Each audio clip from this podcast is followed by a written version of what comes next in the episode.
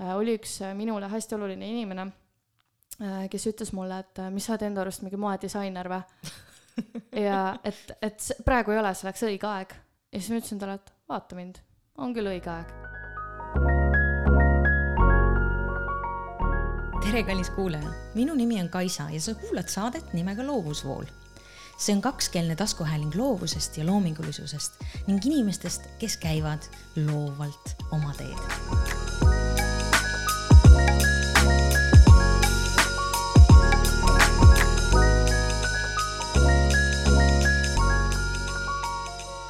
Täna oleme siis taas siit äh, väga mõnusast äh, Kene raadio saunast, oh, tui, see tähendab äh, stuudiost äh, lindistamas uut saadet ja minu külaliseks täna on keegi, keda ma pole kunagi varem enne tänast päeva kohanud, kuid kelle puhul mul on selline tunne, nagu ma tunneks teda juba väga kaua.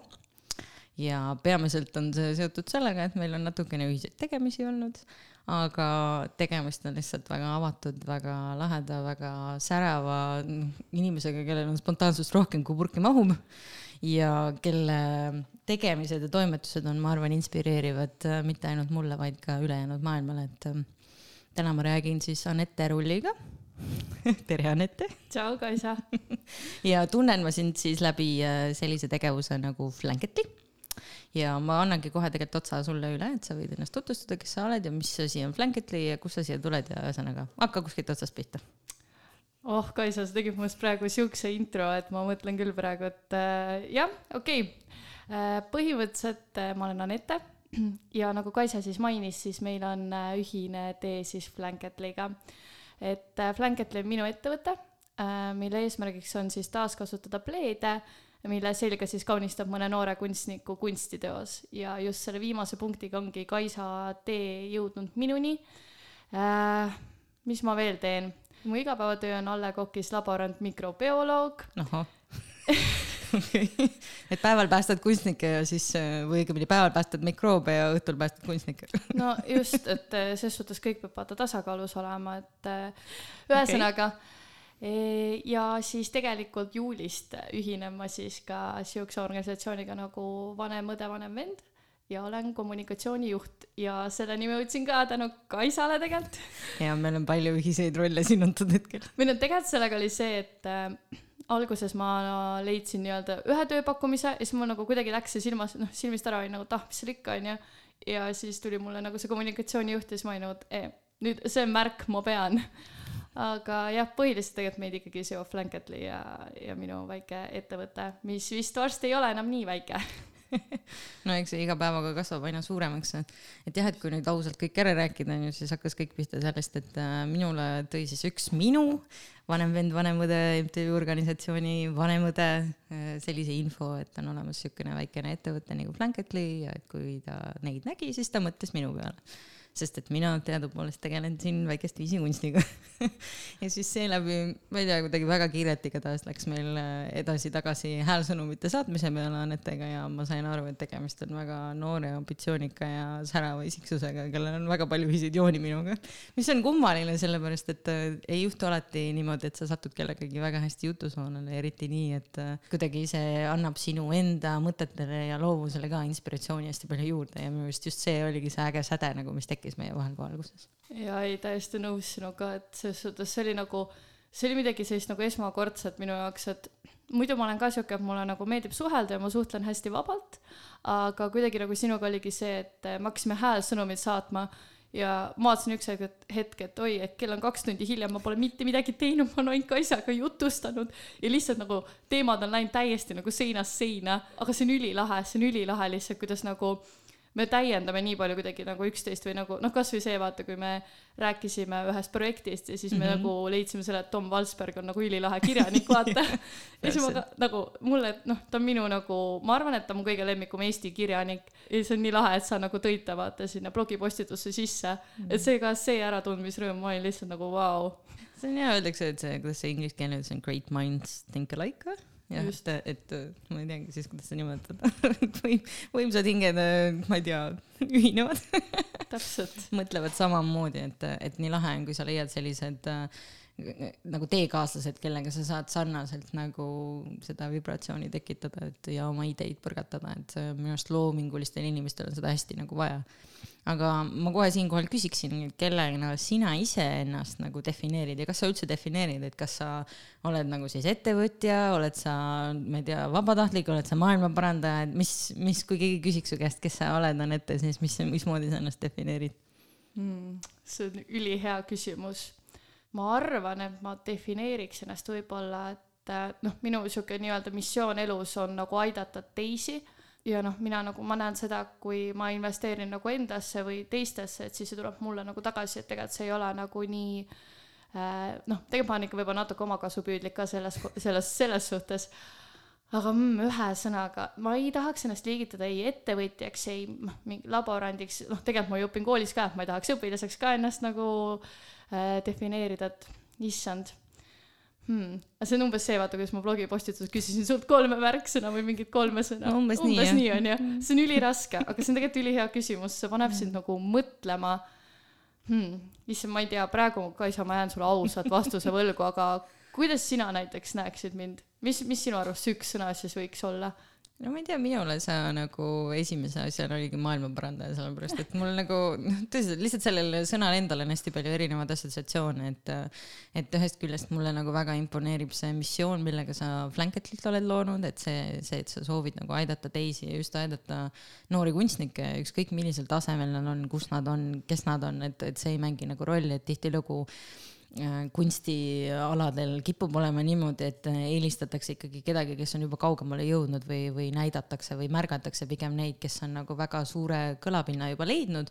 aga need nii-öelda algusfaasis või algusjärgus olevad nagu noored kunstnikud või loomeinimesed, et nad jäävad tihti nagu märkamatuks, kui nad just iseennast sellest nii-öelda august välja ei kaeva et, et see oli nagu üks osa sellest, et mis mulle nagu väga imponeeris ja teine osa oli lihtsalt see puhtalt see sinu äh, vabatahtliku ma maailma parandamise osa, et, et sa nagu vabatahtlikuna tahad panustada nagu maailma, mis on ka ühe noore inimese puhul no võib-olla praeguse sinu generatsiooni inimeste puhul isegi võib-olla on nagu pigem äh, tavalisem aga ma ütleks, et noh, ma ei tea, mina omal ajal nagu isegi praegu et, et ma nagu ei näe, et seda nii palju oleks olnud, et see nagu pigem tundub niisugune viimase dekaadi mingi niisugune suur liikumine, et inimesed teevad rohkem head ja märkavad rohkem asju, kus nad saavad nagu panustada et mitte ainult vabatahtlikult nagu noh, MTÜ siis Vanem vend, vanem õde puhul, vaid et ka sinu puhul oli, ma saan aru, Kaitseliidus oled sa olnud äh, grupijuht või organisaator, koordinaator ja, ja samuti oli sul just hiljuti üks äh, protseduur,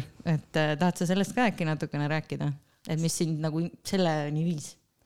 sa, sa lähed praegu nii teemadest kuidagi hüppad niimoodi hullult, et et eh, mis ma selle Flanketli koha pealt tahtsin öelda, ongi see, et tegelikult nagu minu jaoks on hästi kurb see, et noh, kuidas tegelikult ju Flanketli alguse sai, on ju, oligi see, et äh, mu sõbranna siis on nii-öelda noh, noor kunstnik, kellel on nagu võrratud tööd ja lihtsalt ei suutnudki leida seda motivatsiooni, miks, miks lõpetada seda tööd või kellele seda vaja on, et niikuinii ma ei jõua mitte kuskile. Mm, -hmm. sest noh, seda, noh, seda platvormi tegelikult leida või ennast turundada, see võtab jõhkrat aega, jõhkrat ressurssi et nagu ja see tegi mind nii kurvaks ja see on tegelikult nagu üks põhjus, miks Blanketli sai loodud, noh muidugi see taaskasutuse eesmärk ka on ju, et just need nagu seisma jäänud pleedid, aga noh, eelkõige on see, no ongi tegelikult kaks sihti Blanketil, ongi see taaskasutus ja see eneseteostus, et äh, need on kaks asja, mille eest nagu mina nii-öelda võitlen aga hüppame nüüd täiesti jälle teise teemasse, onju.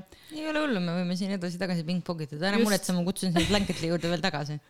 Super. Ja see, millest Kaisa rääkis, tegelikult algas minul juba jaanuaris, on selline asi nagu munaraku doonorlus ma jõudsin selleni tegelikult, sellel on oma backstory taga. noh, ütleme niimoodi, et eelkõige mul siis noh, mõte pani pähe see, et mul on väike vend ja väike õde. Ja tegelikult enne seda oli meil, noh, enne siis mu väikest õde, kes on meist kõige noorem, on kümnekuune hetkel, et eh, enne teda oli meil väga-väga raske lapsekaotus, noh, niisugune eh, rasedus oli tegelikult juba no ütleme nii, mitte kõige algstaadiumis mm. -hmm. ja, ja oligi see, et eh, kuidas me nagu leidsime geenitesti tulemusel, et geenidefekt on ja kuidas siis noh, lõpuks me sellest lapsest ikkagi pidime loobuma et äh, see nagu pani mind äh, mõistma, et tegelikult rasedus on nagu, ta on nii habras, ta on nii habras, isegi kui naine on toonud äh, ilmale terved lapsed mm, -hmm. siis see üks rasedus, see võib ikkagi minna noh, nii-öelda pekki, on ju mm. -hmm.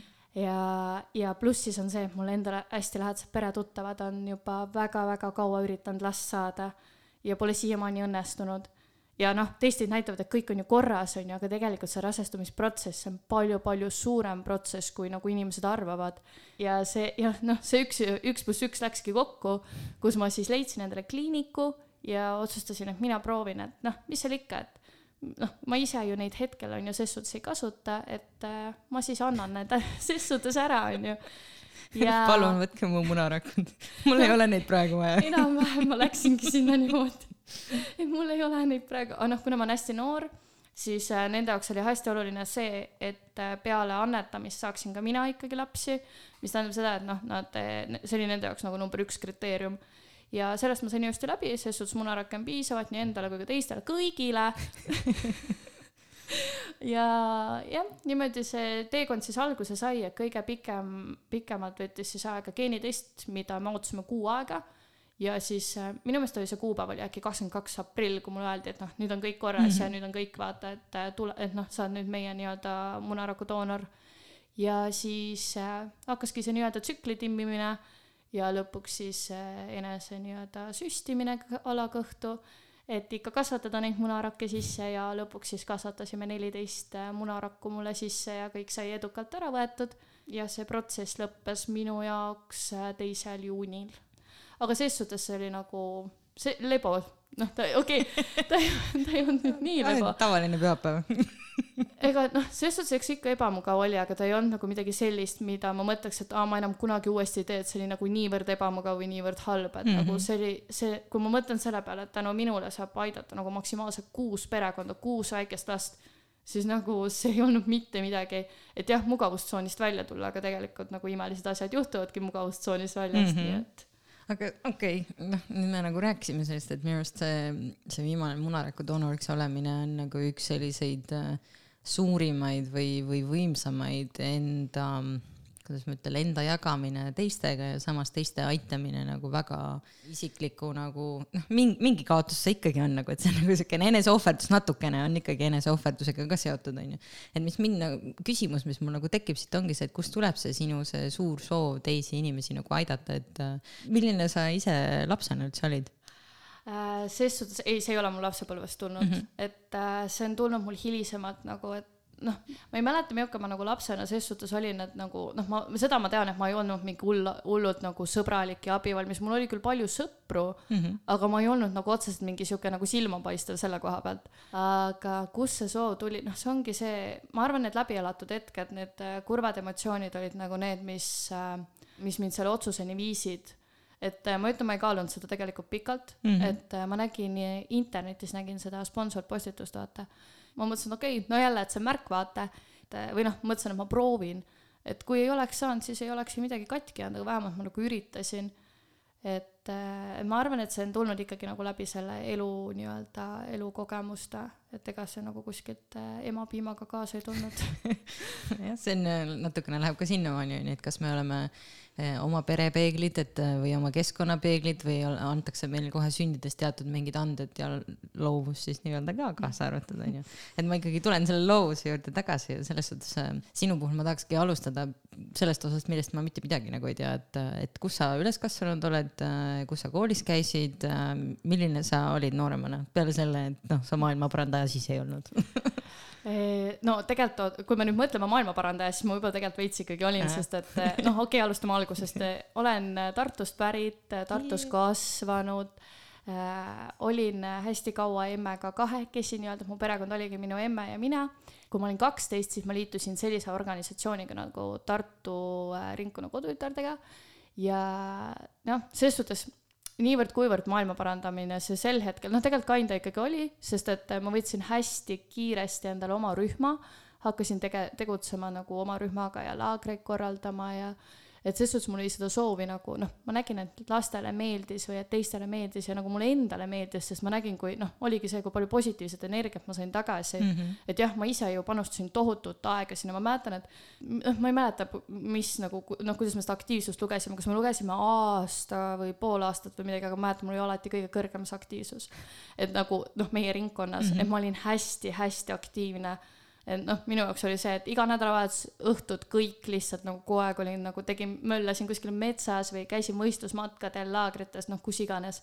et no ma olen isegi ju kaheksateistaastaselt käisin Lätis tüdrukutega nagu noh, esindasime Eestit nii-öelda siis noh, tütreid, et et jaa, ses suhtes ma olin nagu noh, juba noorena nii-öelda aktiivne olnud selle nagu noh, siukse, kuidas ma ütlen nüüd hmm, sihuke noh, sihuke korraldaja ja selline noh, et loovust on mul selle koha pealt ka olnud, et noh, ongi igast mingeid laagreid korraldanud ja samuti artikleid kirjutanud ja kõike, et noh, sealt tuli mul see kirjutamise huvi ka, millest ma mm -hmm. üldse pole nii rääkinud yeah..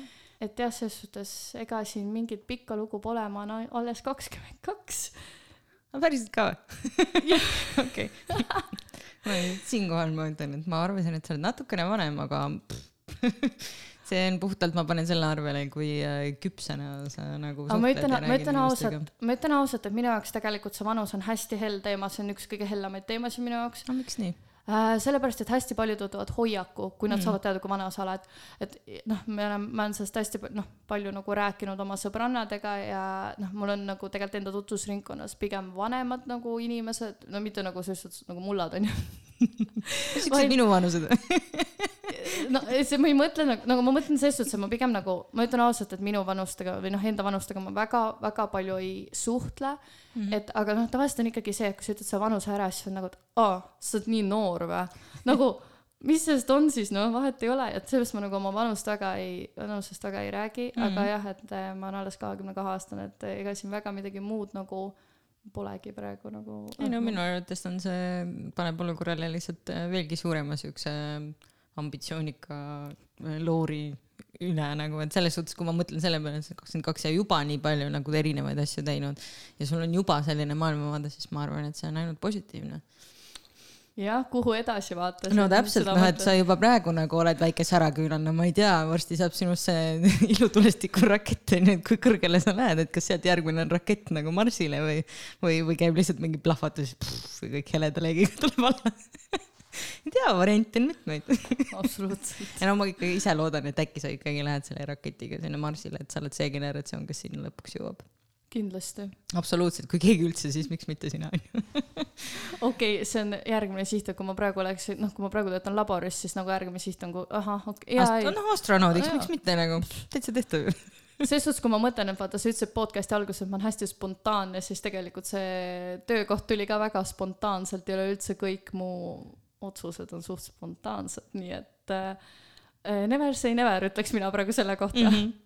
kas sa ise tunned, et sa olid äh, loov laps e? ei, ma ütlen ausalt ei, selles suhtes, et ma olin äh, mm, noh, näiteks käeline tegevus on mul suht null, mille üle mu ema, ma arvan, praegu naerab, sest ta teab, et ta tegi mulle kõik käsitöö, kõik kunsti, kõik, kõik asjad nagu tegi minu eest ära ja tegelikult äh, ma ei osanud noorena kirjutada üldse, ma käisin logopeedi juures, sest et äh, ma ei teinud tugevatel ja nõrkadel tähtedel absoluutselt vahet. ja et selles suhtes tegelikult eh, mul pigem ei olnud seda loovust nii palju. ma arvan tegelikult, et tegelikult ilmselt oli mus olemas, lihtsalt võib-olla noh, mingid asjad hoidsid seda kinni või ma ei julgenud ennast avada nii palju et äh, ma arvan kindlasti, et see tegelikult on olnud mu sees olemas, vaata, aga nagu lihtsalt. aga võib-olla siinkohal olekski hea paslik küsida, et mis on loovus või loomingulisus sinu jaoks nagu, milles see seisneb või kuidas sa defineerid loovust enda jaoks? no minu jaoks on loovus see, et äh, kui keegi teeb midagi nagu mm, enda moodi, vahet ei ole, noh, kuidas iganes ta seda loovust väljendab, on see kunstiga, on see noh, minu puhul kirjutades on ju mm, -hmm. on see, ma ei tea, sisekujundaja, noh, mis iganes on ju, et loovust on tegelikult nii palju ja, ja seda loomingulisust, et äh, ma arvangi, et võib-olla noh, uued mõtted või mingi uus teostusviis või enda moodi tegelikult isegi ei pea uus olema, peaasi, et see on nagu sinu enda moodi või oleks nagu sinu nägu mm. -hmm. sest et meil noh, kõigil on erinevad näod selles suhtes, et. absoluutselt. nii et me kõik anname ühiskonnale ikkagi midagi nagu edasi, et ma arvan, et jah, midagi sellist. Ma vastaks sulle, siukest pudru ja kapsast või loovus on pigem siis nagu originaalsus või iseenda moodi olemine sinu jaoks? just, pigem iseenda moodi, sest see originaalsus isegi noh, tead, pole isegi võib-olla nii, et noh, mingit moodi me ikkagi kattume kõik, noh, natukene onju, aga samas nagu just see ongi see, et sa suudad noh, omanäoline olla, et sa nagu ei karda erineda et äh, see on tegelikult noh, ka kui me nüüd lähme tagasi selle kunsti poole peale, siis tegelikult väga paljud nagu noored kunstnikud kardavad olla nagu seda omanäolist panna, et aa, et noh, ma ei tea, kas, kas see keegi ei tee või et oh, kellelegi ei meeldi või mm -hmm. noh, et selles suhtes see, ma arvan, et see on number üks, mida, noh, mida ma praegu olen nagu näinud, et jah aga milliseid väljakutseid sa ise oled oma teel kogenud, sa ütlesid, noh, üks nendest oli see kirjutamisega seoses, et logopeediga see, et kuidas sa üldse jõudsid siis kirjutamise juurde, et, et nagu, mis pani sind mõtlema, et oi, mul on nii raske sellega teha, jess, see on minu roll sinna ma tahan minna, et kui see ei ole lihtne, siis see on täpselt see, kuhu vaja minna no hetkel on kirjutamine mul pigem hobi korras, onju mm, -hmm. aga ma alustasingi kirjutamist vist äh, täpselt sealsamas Tartu Ringkonna kodutütardes, kui ma kirjutasin artikleid, noh, erinevatest, kus üritustel me olime käinud ja kuna ma käisin ju paljudel üritustel, siis ma ka kirjutasin päris palju. ja sealt see tegelikult hakkaski minema. pluss siis ma kirjutasin kuhugi maakonnalehte kunagi millegipärast, no ma mhm. käisin kuskil võistlusmatkal ja siis mm -hmm. noh, tuli kajastada ja see läks mul nagu väga hästi ja noh, ega see, selles suhtes siis ta vist jäigi natukene tegelikult longu. ma hakkasingi vist uuesti kirjutamisega nii-öelda tegelema, kui ma tulin ära oma eelmisest pulmaagentuurist ja läksin teise agentuuri, Eesti Artistide Agentuuri et siis eh, noh, mul küsiti, et kas sa oskad kirjutada, ma mingi hm, midagi oskan vist jah, ja siis ma kirjutasin esimese artikli ja siis ma mäletan, et Tanel oli nagu, et vau sul on annet, nagu see on hea.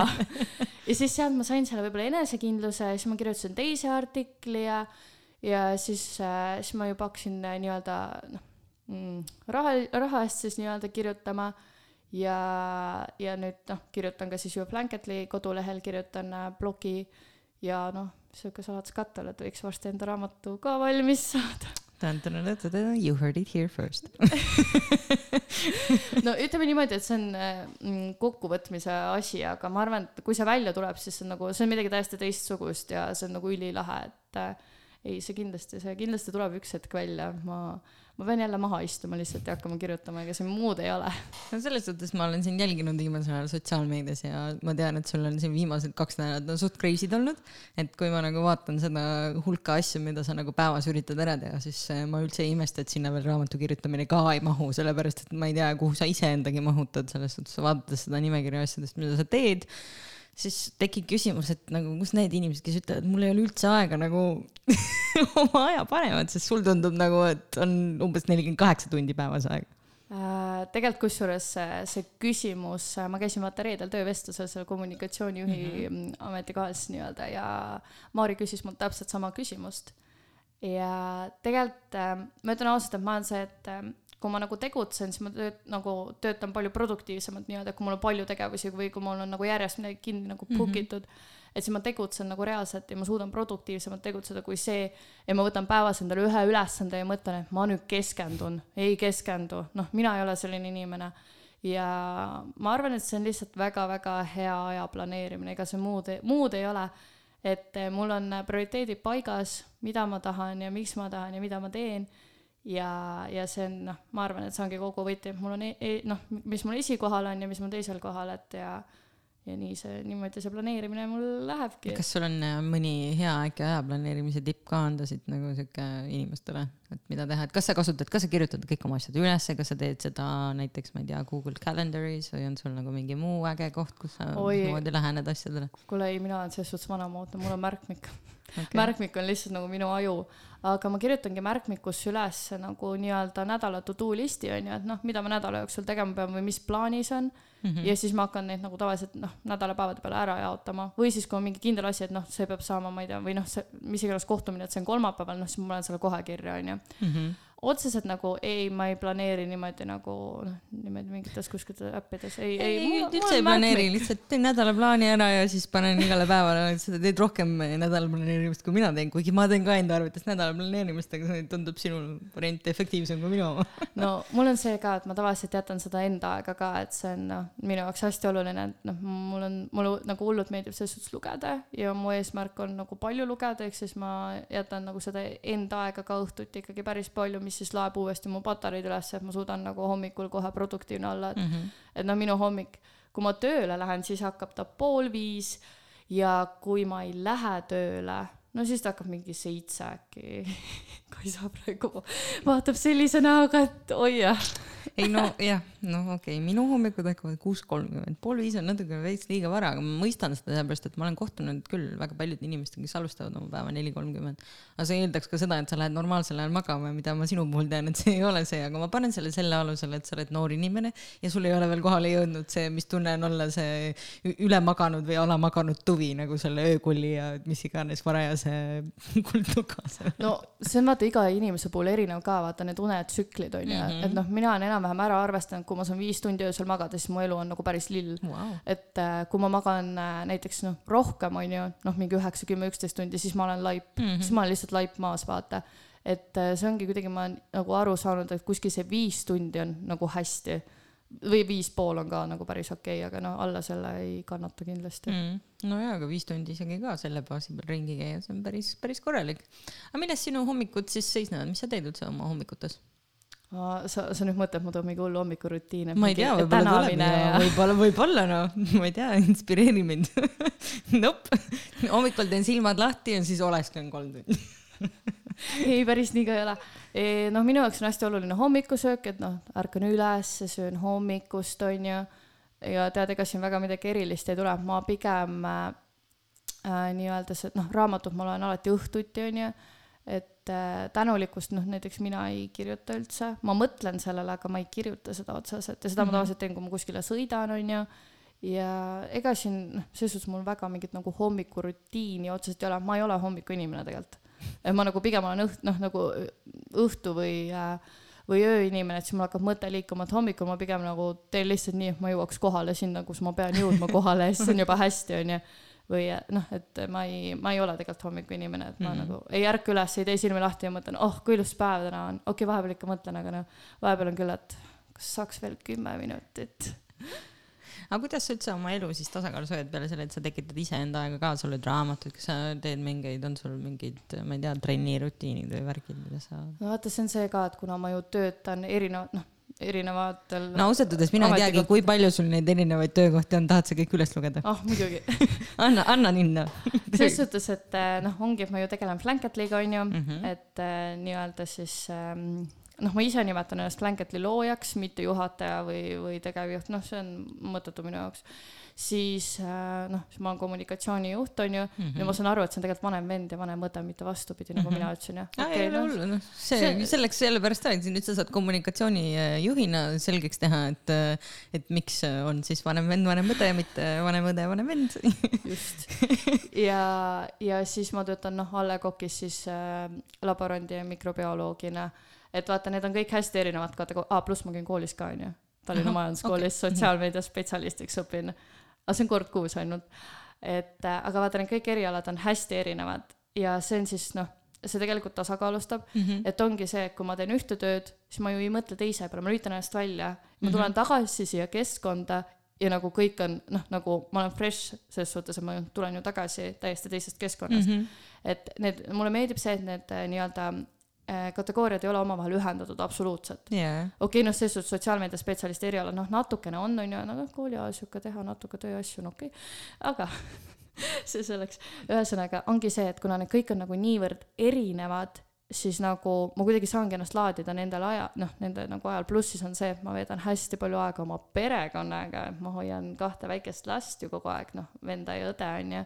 et äh, ka nemad annavad mulle hästi palju seda jõudu ja energiat ja positiivsust ja noh, kõike, et nad on, nad tegelikult nagu ses suhtes tõmbavad mind tagasi maa peale ja näitavad, et mis tegelikult on oluline, et mm -hmm. noh, nemad on, nendele ma leian alati aega, kui ma vahepeal, ei, ma leian tegelikult alati kõigile aega, sest minu jaoks see vastus, et mul ei ole aega, on nagu, ma ei taha halvasti öelda, aga noh, mulle ei meeldi see fraas, sest et me tegelikult saame tekitada aja alati. kui no. me tahame tekitada, siis me saame, tegelikult saame see on lihtsalt, sa pead planeerima mul üks väga hea sõbranna Kristiina, shout out to Kristiina, ütles selle peale, et äh, prioriteetide küsimus. absoluutselt. ja ma tegelikult olen sinuga sada protsenti nõus et äh, kui sul ei ole aega, siis see tähendabki, et noh, see inimene ei ole sinu jaoks hetkel prioriteet või see tegevus -hmm. ei ole prioriteet ja see on täiesti okei okay,, onju. aga noh, siis ongi, et leiad selle aja tema jaoks siis noh, hiljem kunagi ma ei tea, kahe nädala pärast, kolme nädala pärast, et et aga ongi see, just see, et mul ei ole aega, see ei ole ju lahendus, sest sa ei lahenda sellega mitte midagi ära, sa ei, sul ei teki. lükkad lihtsalt asja edasi. täpselt ja sul ei teki päeva nagu tunde kahjuks juurde ka, onju. et meil kõigil on ikkagi kakskümmend neli tundi ja nii on, et jah, mul on selles suhtes prioriteedid ikkagi väga paigas, et mu prioriteet number üks on alati mu perekond olnud ja, ja nii on. aga kuidas sa üldse jõudsid selleni, et sa läksid seda sotsiaalmeediat õppima sinna Tallinnasse, on see su ainukene nagu koolis käimine või oled sa enne seda juba midagi muud ka õppinud? Äh, see ei ole ainus, ma ei, ei, see, ma ei leidnud seda lihtsalt, las ma räägin aga palun, anna minna. Äh, kõigepealt tegelikult ma arvasin, et minust saab ajakirjanik üldse onju, sest mulle ju meeldib kirjutada, eks ju. nojah, ja üks ajaleht isegi lausa ju kiitis sind e, Eesti Artistide Agentuur, portaal. no veel enam. eks ju, et, äh, et mulle noh, ma teadsin, et mulle meeldib ja ma mõtlesin, noh, kõige lihtsam, ma lähen ajakirjandust õppima, onju no sinna me sisse ei saanud. no pole hullu, võtsin vaheaasta. Ja siis ma mõtlesin, et noh, ma olen hästi sihuke inimene, et eh, noh, nagu sa tead, siis ma teen hästi siukseid eh, spontaanseid otsuseid, on ju, et no ja, kuulen aina rohkem ja rohkem, et see on et, väga kõlav. Ja, ja see ja nagu noh, ma teen tavaliselt, ma astun hästi palju mugavustsoonist välja, et ma ei, mulle meeldib see, kui ma saan erinevaid oskusi juurde, ehk siis ma läksin äh, Eesti Maaülikooli, läksin õppima aiandust okei. kas sa tahad rääkida, miks, miks see juhtus absoluutselt äh, see oli tegelikult, ma tahtsin ennast proovile panna, et äh, kas ma saan millegagi hakkama, kus mul on täpselt null teadmist ei, no selles suhtes, ei, see tegelikult tundus põnev ka, okei okay,, nagu see ei läinud, ma oleks ju võinud muidu ükskõik mis eriala minna mm, -hmm. see mhm. tegelikult tundus põnev. ma vaatasin seda õppekava ja seda väga meeldis mulle, aga tegelikult põhimissioon oli, et ma tahtsin näha, kas ma saan hakkama mm. -hmm. et nagu tavaliselt on see, et inimesed lähevad õppima seda, mis neil nagu tuleb hästi välja, onju kuidas no, kunagi, noh. on ju, noh, aga tegelikult ikkagi noh, kus no ütleme nii, et enamus tahaks ilmselt õppida seda, mis tuleb neil hästi välja, aga tihtilugu minu arust juhtub see, et, et nad nagu räägivad selle idee endast mööda ja siis valivad midagi muud, mis tundub mõistlikum või ratsionaalsem. just, just, aga mina mõtlesin, et ma lähen lihtsalt õppima nagu seda, mis tundub huvitav, sest ma tahtsin teada saada, et nagu kuidas või noh ongi teada saada või lihtsalt, et äkki sihuke uus eriala hakkab mulle nii meeldima, et sellest saabki mu kutse, onju. Mhm. ja poole aasta pealt siis äh, ma ikkagi otsustasin, et ma ei jätka sellel, sellepärast et äh, mitte hinnata pärast hinded olid mul tegelikult päris kõrged, et äh, ikkagi sinna keskmise, üle keskmise poole ja, ja tegelikult, kui ma noh, nii-öelda siis äh, eks Mati noh, nii-öelda maha panin, siis mulle ikkagi õppeosakond helistas ja küsis, et mis juhtus, et mhm. tegelikult hinded ei olnud põhjuseks. ja miks ma ära tulin, on see, et tegelikult ma ei poolda ülikoole väga, et äh, ma ei ole ülikooli usku, minu jaoks see on niisugune lihtsam tee, kergem tee, kuhu minna, kui see on nii halb, ma praegu vist ei taha seda ikkagi öelda. okei okay,, ühesõnaga ma jah, mina olen see inimene, kes ei usu ülikoolidesse ja minu jaoks see oli lihtsalt liiga teaduslik ja see oli ka põhjus, miks ma ära tulin, kuigi Maaülikool on väga hea ülikool selle koha pealt, et seal toimub väga palju praktilisi nii-öelda asju, et pooled ju nii-öelda asjad ongi praktilised või nii-öelda ained, on ju mm. -hmm. aga kuidagi see oli ikkagi minu jaoks nagu. liiga teoreetiline siis või? jah, ongi see, et liiga sihuke, et noh, nagu mu ema ütleb, et, et sa oled ülikoolis siis, kui sa tahad teadust teha mm. -hmm. aga mina ei tahtnud, on ju ja siis ma jätsin pooleli, aga kuna ma samal ajal töötasin Pulma agentuuris Pulma korraldajana, siis äh, noh, see oli see noh, täiskohaga töö onju. ja seal kuidagi hakkas tekkima mõte, et aa, et äkki minna sotsiaalmeedia spetsialistiks õppima, et tegelikult äh, noh, sel hetkel juba koroona hakkas möllama tasakesi onju. ja et äh, noh, kus ennast turundada onju, sotsiaalmeedia, noh ja siis sealt see mõte hakkas tulema ja kandideerisin ka ainult siis Tallinna Majanduskooli sotsiaalmeedia spetsialistiks aga miks Tallinnasse, miks mitte Tartusse? Tartus ei ole seda eriala. et okay. ja ei, see on, see on tegelikult kurb, aga jah, Tallinn oli, ses-, ega okei okay,, tegelikult ma ei tea, äkki mingi kooli, mingid koolitused ikka on. aga noh, kuna ma tegelikult olen Tallinnas elanud, peale gümnaasiumit äh, seitse kuud töötasin Tallinnas ja äh, ma ei tea, noh, ma mõtlesin, et jälle keskkonnast välja vaata, see on mm, -hmm. see on see minu key on ju nii-öelda no,. tundub jah, et sulle meeldib lihtsalt ennast nagu panna kogu aeg nagu mugavustsoonist välja ja vaadata nagu, et kuidas sa hakkama saad, et, et kui tavaliselt on teised inimesed need, kes lükkavad sind basseini, et vaata, kuidas sa hakkama saad, siis sa teed seda iseendale kogu aeg põhimõtteliselt küll jah, sest et nagu minu jaoks on nii põnev näha seda protsessi ja seda arengut, et nagu jaa, ei, absoluutselt ja siis ma läksingi sinna majanduskooli, et seal oli tegelikult ainult vestlusega sissesaamine, mis minule sobis ülihästi, onju. sest suu peale pole sa kukkunud. just, ma läksingi sinna katsetele ja sain sisse niimoodi, et tegelikult võeti sel aastal, kui mina siis kandideerisin, võeti rohkem õpilasi vastu, aga isegi siis, kui poleks rohkem võetud, siis ma oleks ikkagi sisse saanud, et ma jäin sinna kahekümnenda koha juurde, et ja vist noh, muidu võeti viiskümmend vastu, siis mm -hmm. nüüd mhm. võeti vist see aasta sada vastu või mingi sihuke teema oli, onju, või noh, eelmine aasta et, äh, et selles suhtes ikkagi nagu ei tulnud kõige halvemad tulemused, ütleme nii. ja kas äh, praegu nüüd, kui sa oled seal pikemat aega käinud, see sotsiaalmeedia asi nagu paelub sind? E, jaa, paelub küll, mulle väga meeldib see kool. Mul on tõesti nagu selles suhtes, äh, ma olen õppinud väga palju ja pluss on see, kuna hetkel Blanketli on ju ainult sotsiaalmeedias on ju, et siis, et ma seda turundada saaksin ja, või et see turundus nagu toimiks, siis kindlasti, et äh, ma ei, ma ei kahetse, ma läksin, okei okay,, noh, mida ma üldse kahetsen, onju.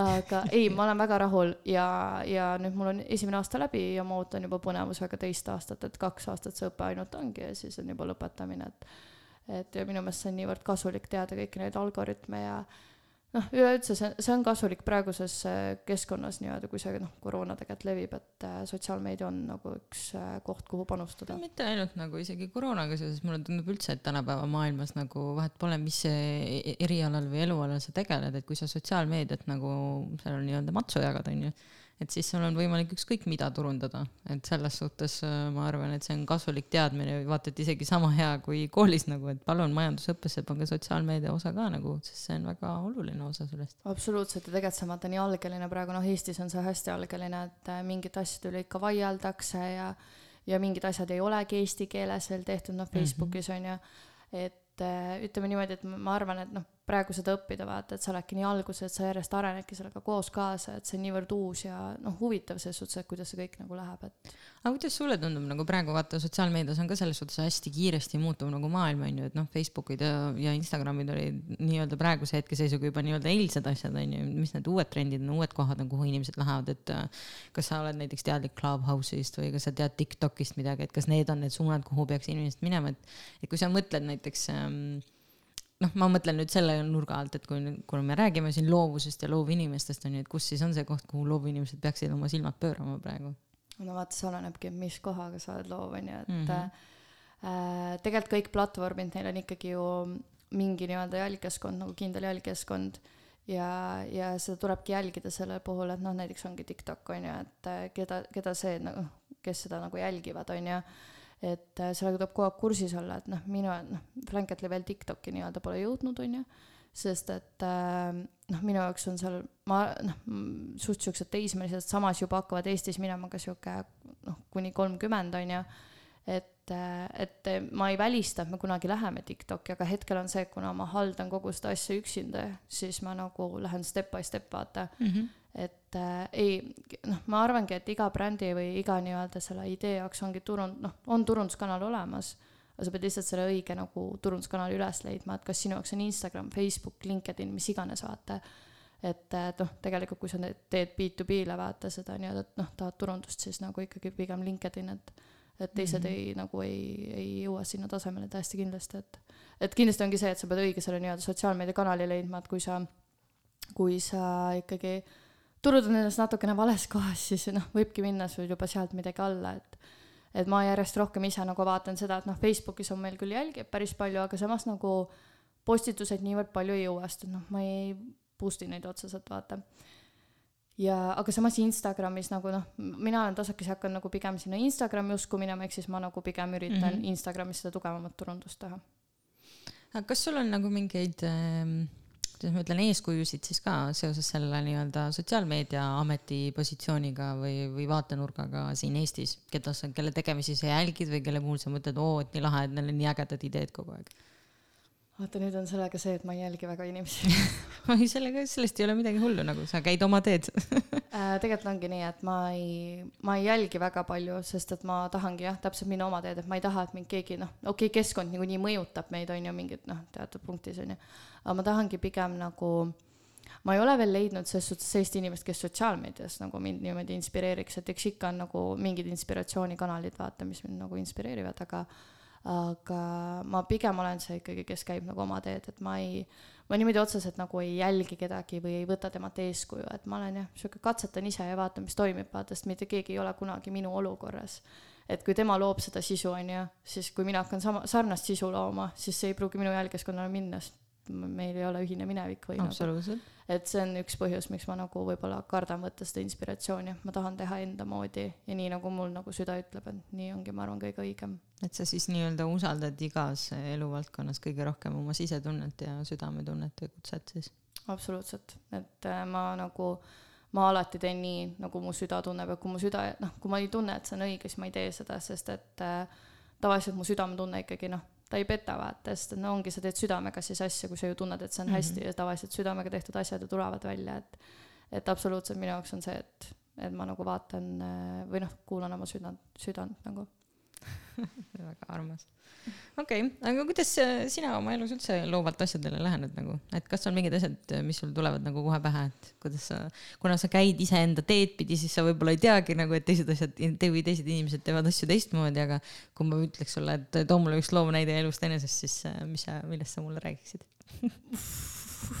jälle üks hea küsimus on ju.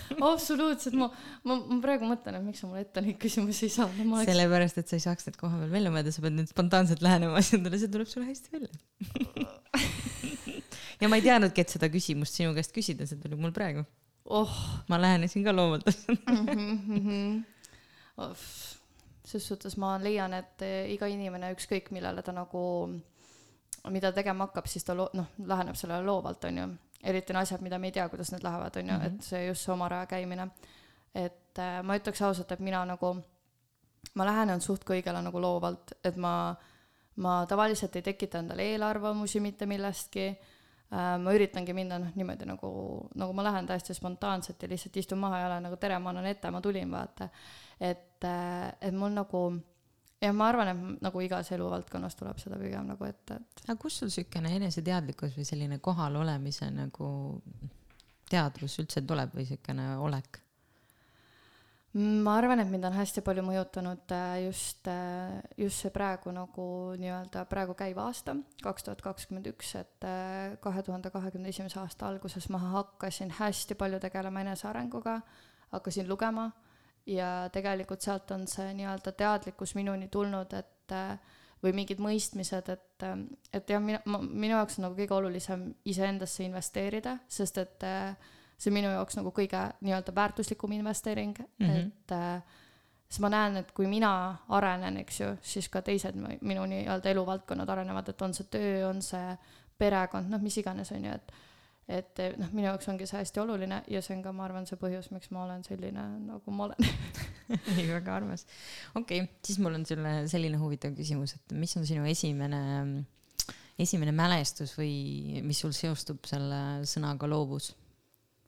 okei okay. äh,, ma arvan, et mul loovusega tegelikult kõige esimesena äh, tuleb meelde äh, Äh, ma olin kuuendas klassis, okei okay,, ma nüüd ma, nüüd ma hakkan oma sõnu sööma, onju, et ma ei oska joonistada. aga aga tegelikult oli niimoodi, et äh, me joonistasime klassis mingit liiklusteemalist pilti, onju, mingile konkursile. ja siis õpetaja, noh, kõikide, kõikide tööd esitas, aga noh, kui sa kuues klass, ega sa väga ei tea, kuhu sa lähed või kuhu sa töö saad või oli neljas. praegu on vastuse võlgu, onju. aga, aga ma joonistasin sinna pildi kus äh, üks tüdruk äh, kukkus tee peal maha, onju. ta olid juuksed siuksed hästi püsti, siis ma ei osanud nagu joonistada, kui inimene maha kukub, siis minu jaoks nagu olid, et ta juuksed on täiesti püsti, onju. ja siis, et nagu auto sõidab kraavi, et nii-öelda siuke noh, liiklusõnnetus natuke, mhm. onju. ja, ja ma sain sellega esimese koha kuskil hullult, äh, kus iganes võistlusel, onju ja ma arvan, et see on mu esimene nii-öelda noh, sihuke nagu, et, et kus ma nagu noh, lõin midagi oma käega, mis tõi ka tulemuse, vaata mm. -hmm. ma arvan, et see on esimene noh, kui ma, kui sa praegu niimoodi küsisid, see tuli nagu esimesena no, mul pähe. väga hea, et tuli selline see, ootamatu see pilt tuli mulle silme ette ja ma arvan, et see on mul isegi emal kodus olemas, nii et äh, jah, see, see on, ma arvan, esimene. aga miks sul ähm, või võib-olla tekkis ka, et äh, kas sul ei tekkinud siis tahtmine, et issand, mul läks sellel võistlusel nii hästi, äkki ma peaks kunsti õppima hoopis, äkki ma peaks rohkem kunstiga tegelema äh,? sel hetkel ma ei mõelnud selle peale, et kuna mul äh, hästi pikalt oli enesehinnangu ja enesekindlusega väga suured probleemid, siis ma, ma arvan, et ma lihtsalt nagu blokkisin ennast ära võrreldes teistega mm. -hmm. et äh, täna ma seda enam ei tee. et ma ei võrdle ennast teistega, sest et ongi see, me iga tee on nagu erinev ja see, milline olen mina, ma olen ilmselgelt nagu täna oma kõige paremas vormis. võib-olla mõne teise inimese jaoks ei ole, on ju, see parim vorm, aga see on täiesti okei okay. Ja, aga ma arvan, et see hetk saigi mul mõjutada see, et aga ma ei oska ju tegelikult joonistada ja noh, vaata seda, noh, vaata selle teise tüdruku tööd, ta on palju ilusam, on ju. Mhm. et äh, ma arvan, et hästi palju hoidis mu loovust tegelikult, hoidiski kinni see enesekindluse puudumine, et äh, see, see oli kindlasti jah, mis mind hoidis aga kui sa saaksid äh, praegu nii-öelda oma nooremale minale mingit nõu anda just selle nii-öelda loomingulise või loovuse osas, siis mis sa talle ütleksid? Et äh, lase ennast vabaks ja ära mõtle nagu selle peale, mida teised ütlevad, et äh, mu jaoks oli hästi oluline see arvamus, mida teised ütlevad ja ma ütlen ausalt, ma jätsin väga paljud asjad tegemata mm. ja seda on praegu tagantjärgi väga kurb mõelda, et kuidas üks väike tüdruk võis niimoodi mõelda Mm -hmm. aga ma arvan, et seda tegelikult teevad väga paljud noored. et, et jah, kindlasti ma ütlekski seda, et julge olla sina ise, sest noh, sina oled siit maailmast puudu, et mm. teised on juba olemas, vaata, et ega muud võimalust ei olegi mitte keegi teine ma olla. nii armastan seda ütlust, see, et, et ole sina ise, et kõik teised on juba võetud oota, kas, kas, kas see, kus see raamatus, see tuli kuskilt raamatust, ma, ma olen nii kindel, seda võib-olla, kas seda ei võinud öelda Tom Valsberg ka või, ühe selle ma arvan, et ta võis seda parafraseerida Ma vabalt, aga ma olen seda väga mitmes erinevas nagu kastmes kuulnud mm. -hmm. mujalt ka, aga, aga selles suhtes ta on olnud kindlasti üks nendest, kes on sellest nagu rääkinud ja üleüldse Tom Valsberg on üks nendest inimestest, kes äh, minu jaoks on näiteks väga suureks inspiratsiooniks just selle nii-öelda ise olemise nagu suunal, et äh, kuidas ollagi nagu nii nagu vabalt, et äh, ilma nagu mingite piiride või selliste nagu ühiskondlike nagu tagasihoidmisteta tema ise. ja ma täiega nõustun, et ma lugesin, mina lugesin esimesena seda raamatut, kuidas rännata ilma hirmuta, onju. sama. lugesid jah? jah. ja, ja minu jaoks no tegelikult seda äh, soovitas mulle üks tuttav ja ma olen alati see, et kui keegi soovitab mulle midagi, siis ma hakkan kohe lugema seda, et ma võtan ta nii-öelda järjekorrast ette mm., sest ma nagu tunnen, et see on märk, et ma pean seda praegusel eluetapil lugema, sest see põnev. inimene tundis niimoodi, kui ta minuga rääkis, et ma peaks seda lugema, onju ja sealt jah, samamoodi tuligi mul see Tom, noh, see Tom Valsberg, ta andiski siukest nagu nii palju enesekindlust ja oligi, et ah, kuule chill, vaata, mida sa põed üldse, vaata. aga nagu nii oli ja, ja ta on hästi nagu inspireeriv ja noh, mul on notes täis selle raamatu nagu erinevaid mingeid äh, soovitusi, nippe ja noh, mul on üldse notes täis terve kõik, mida ma nagu lugenud olen, et ma nagu kirjutan. sulle meeldib lihtsalt kirjutada siis neid mõtteid üles, kas sa Jaa. neid hiljem loed ka või need kirjutad lihtsalt selleks, et kinnistada endale nagu neid mõtteid? Äh, ma ikka loen ka hiljem, et, et kui ma kellelegi raamatust räägin, siis ma võtan notes'i lahti vaatad, mis mõtted mul tekkisid. ei, umbes, sest et noh, ma olen ju mm. -hmm. noh, juba noh, mul on see, et ma loen iga kuu vähemalt ühe raamatu onju, noh, kui sa mõtled, siis praegu tegelikult, okei, Jaa. tegelikult on mul juba seitsmes raamat käsil ja noh, ikka läheb meelest ära või mingid tsitaadid, mida sa tahaksid nagu öelda. ja siis jah, ma, ja ma kirjutan podcast'e samamoodi üles mm., nagu mõtteid, et kui keegi noh, näiteks ma kuulan mulli podcast'i onju, -hmm. et siis ma kirjutan no ja, ja täitsa pekis podcast'i ka No, no,, noh, mõned osad. Shout out Kat-, Kats on Mihkel ja kes, kes see podcast Mulli see on Äh, Evelin Veermets. näed, Evelin Veermets, sellega Just. saadame siitpoolt tervitused, sest ma olen ka ise täpselt samamoodi fänn nendel. jaa, absoluutselt ja see ongi see, et ma kirjutangi need mõtted nagu ülesse, sest need inspireerivad ja kui mul on nagu nii-öelda natuke halvem päev või sihuke päev nagu, kus ma tunnen, et et nagu mitte midagi ei lähe hästi või et nagu või noh, kuigi sihuke nagu breakdown võib-olla natukene, et siis ma loen neid mõtteid ja see nagu tõstab mind uuesti ülesse. kas selliseid äh, nagu nii-öelda murdumispunkte on sul äh, palju või pigem vähe?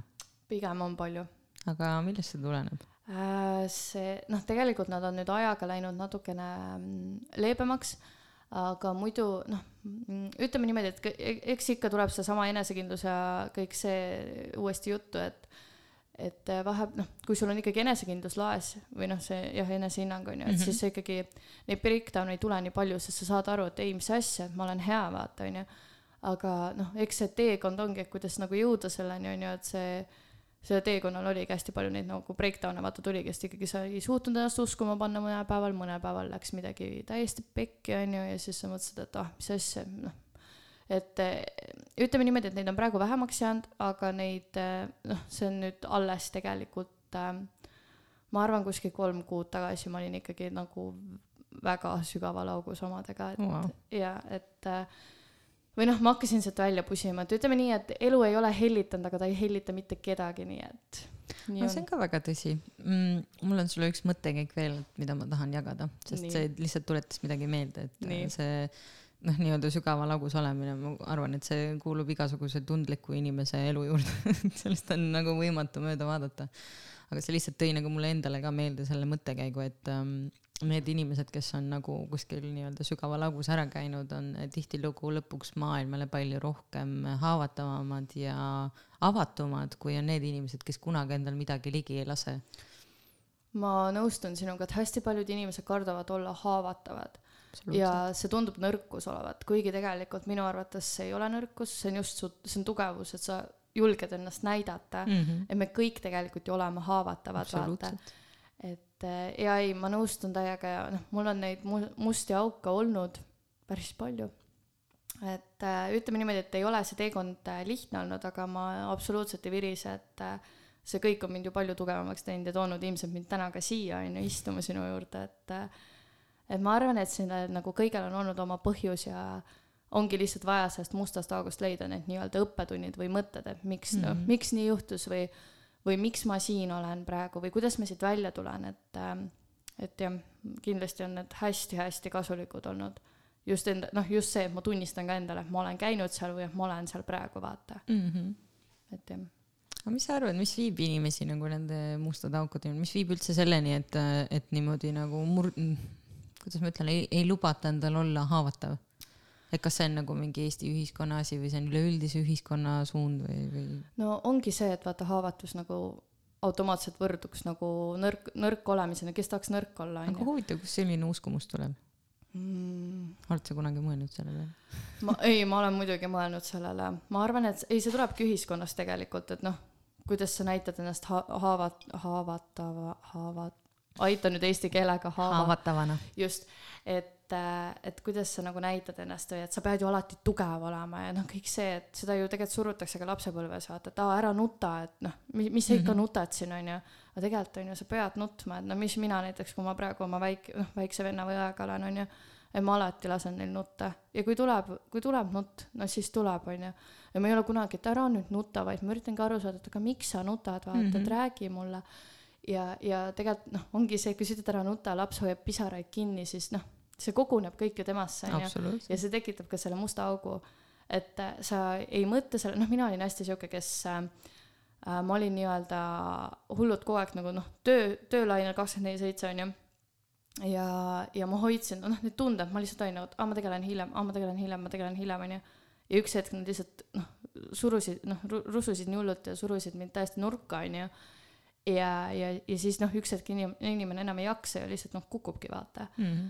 Et äh, see küsimus nüüd läks küll ära ei, ei, ma ei mäleta ise ka, mis see küsimus oh, oli, kui see sind lohutab, siis see on, aga ma arvan lihtsalt, et see point oligi võib-olla see, et et äh, lubada nagu, lubada endal olla haavatav on tegelikult üks kõige suuremaid julgusi ja ma tegelikult tahaks siinkohal üteldagi, et tegelikult oled sa üks väga julge noor naisterahvas, arvestades kõike seda, mida sa nii-öelda läbi oled elanud ma näen, et see, selle iseenda otsingute ja enese leidmise taga on tegelikult hästi tugev soov nagu ollagi sina ise, sest minu arust see tuleb tavaliselt siis, kui me oleme ennast natukene ära kaotanud. just, tegelikult äh, selle mm, nii-öelda mm, haavatava näimisega mul tuleb kohe meelde see, et äh, mu endine elukaaslane äh, on siis tegevväelane ja tegelikult oli, noh, ta oli Afganistanis seitse kuud, eks ole, missioonil ja, ja ma mäletan seda, et kui ma läksin nagu mõne sõbranna juurde ja ütlesin, et mul on raske näiteks või et mul on valus. aga sa oled Anette, sa oled tugev, et sa saad hakkama. ja siis ma olin nagu, et ja ma saan hakkama, aga nagu see ei ole hetkel ju eesmärk, et ma tahan nutta lihtsalt, vaata mm. -hmm. või siis on see, et, või siis tuli mõni tuttav vastu, et issand, et kuidas sa küll suudad, et mina küll ei suudaks ja siis ma ütlesin, et aga mina ka ei suuda, mis me nüüd teeme, vaata. et kuidagi see nagu, et noh, kasvõi kui ma üritasingi oma emotsioone välja näidata, siis öeldigi mulle, et aga sa oled ju Anette, et sa oled ju tugev, vaata, et noh. kasvõi see, see tegelikult ju noh, blokkis ju minu emotsioone vaata kinni täiesti. absoluutselt et, et see on nagu üks näide, kuidas lähedased inimesed võivad ka sind nagu tõmmata sellesse musta auku, ilma et nad teaks seda, ega ma arvan, mitte ükski neist, kes mulle seda ütles, ei, ei mõelnud, et see niimoodi mind mõjutab, onju. pigem vist oli neil endalgi hirm, et issand, kui Anette ka juba on katki, mis siis ülejäänud maailmas saab.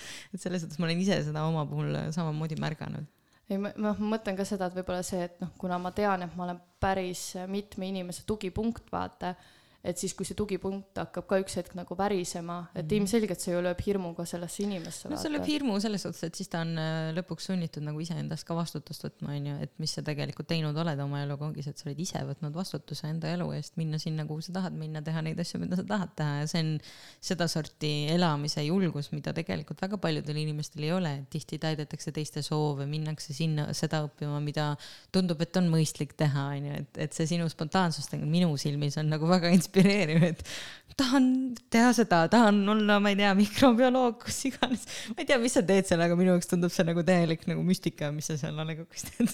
ma, ma ütlen ausalt, et, et minu jaoks on ka veel müstika, et miks ma olen seal. ei, mulle nagu, ma arvan, et tegelikult ma ütlen ausalt, et mis mind nagu sinna ametikohale viis, oligi see entusiasm. Mhm. lihtsalt see, et ma tahtsin ja ma ütlesin ka neile, et ma olen valge leht, aga ma tahan.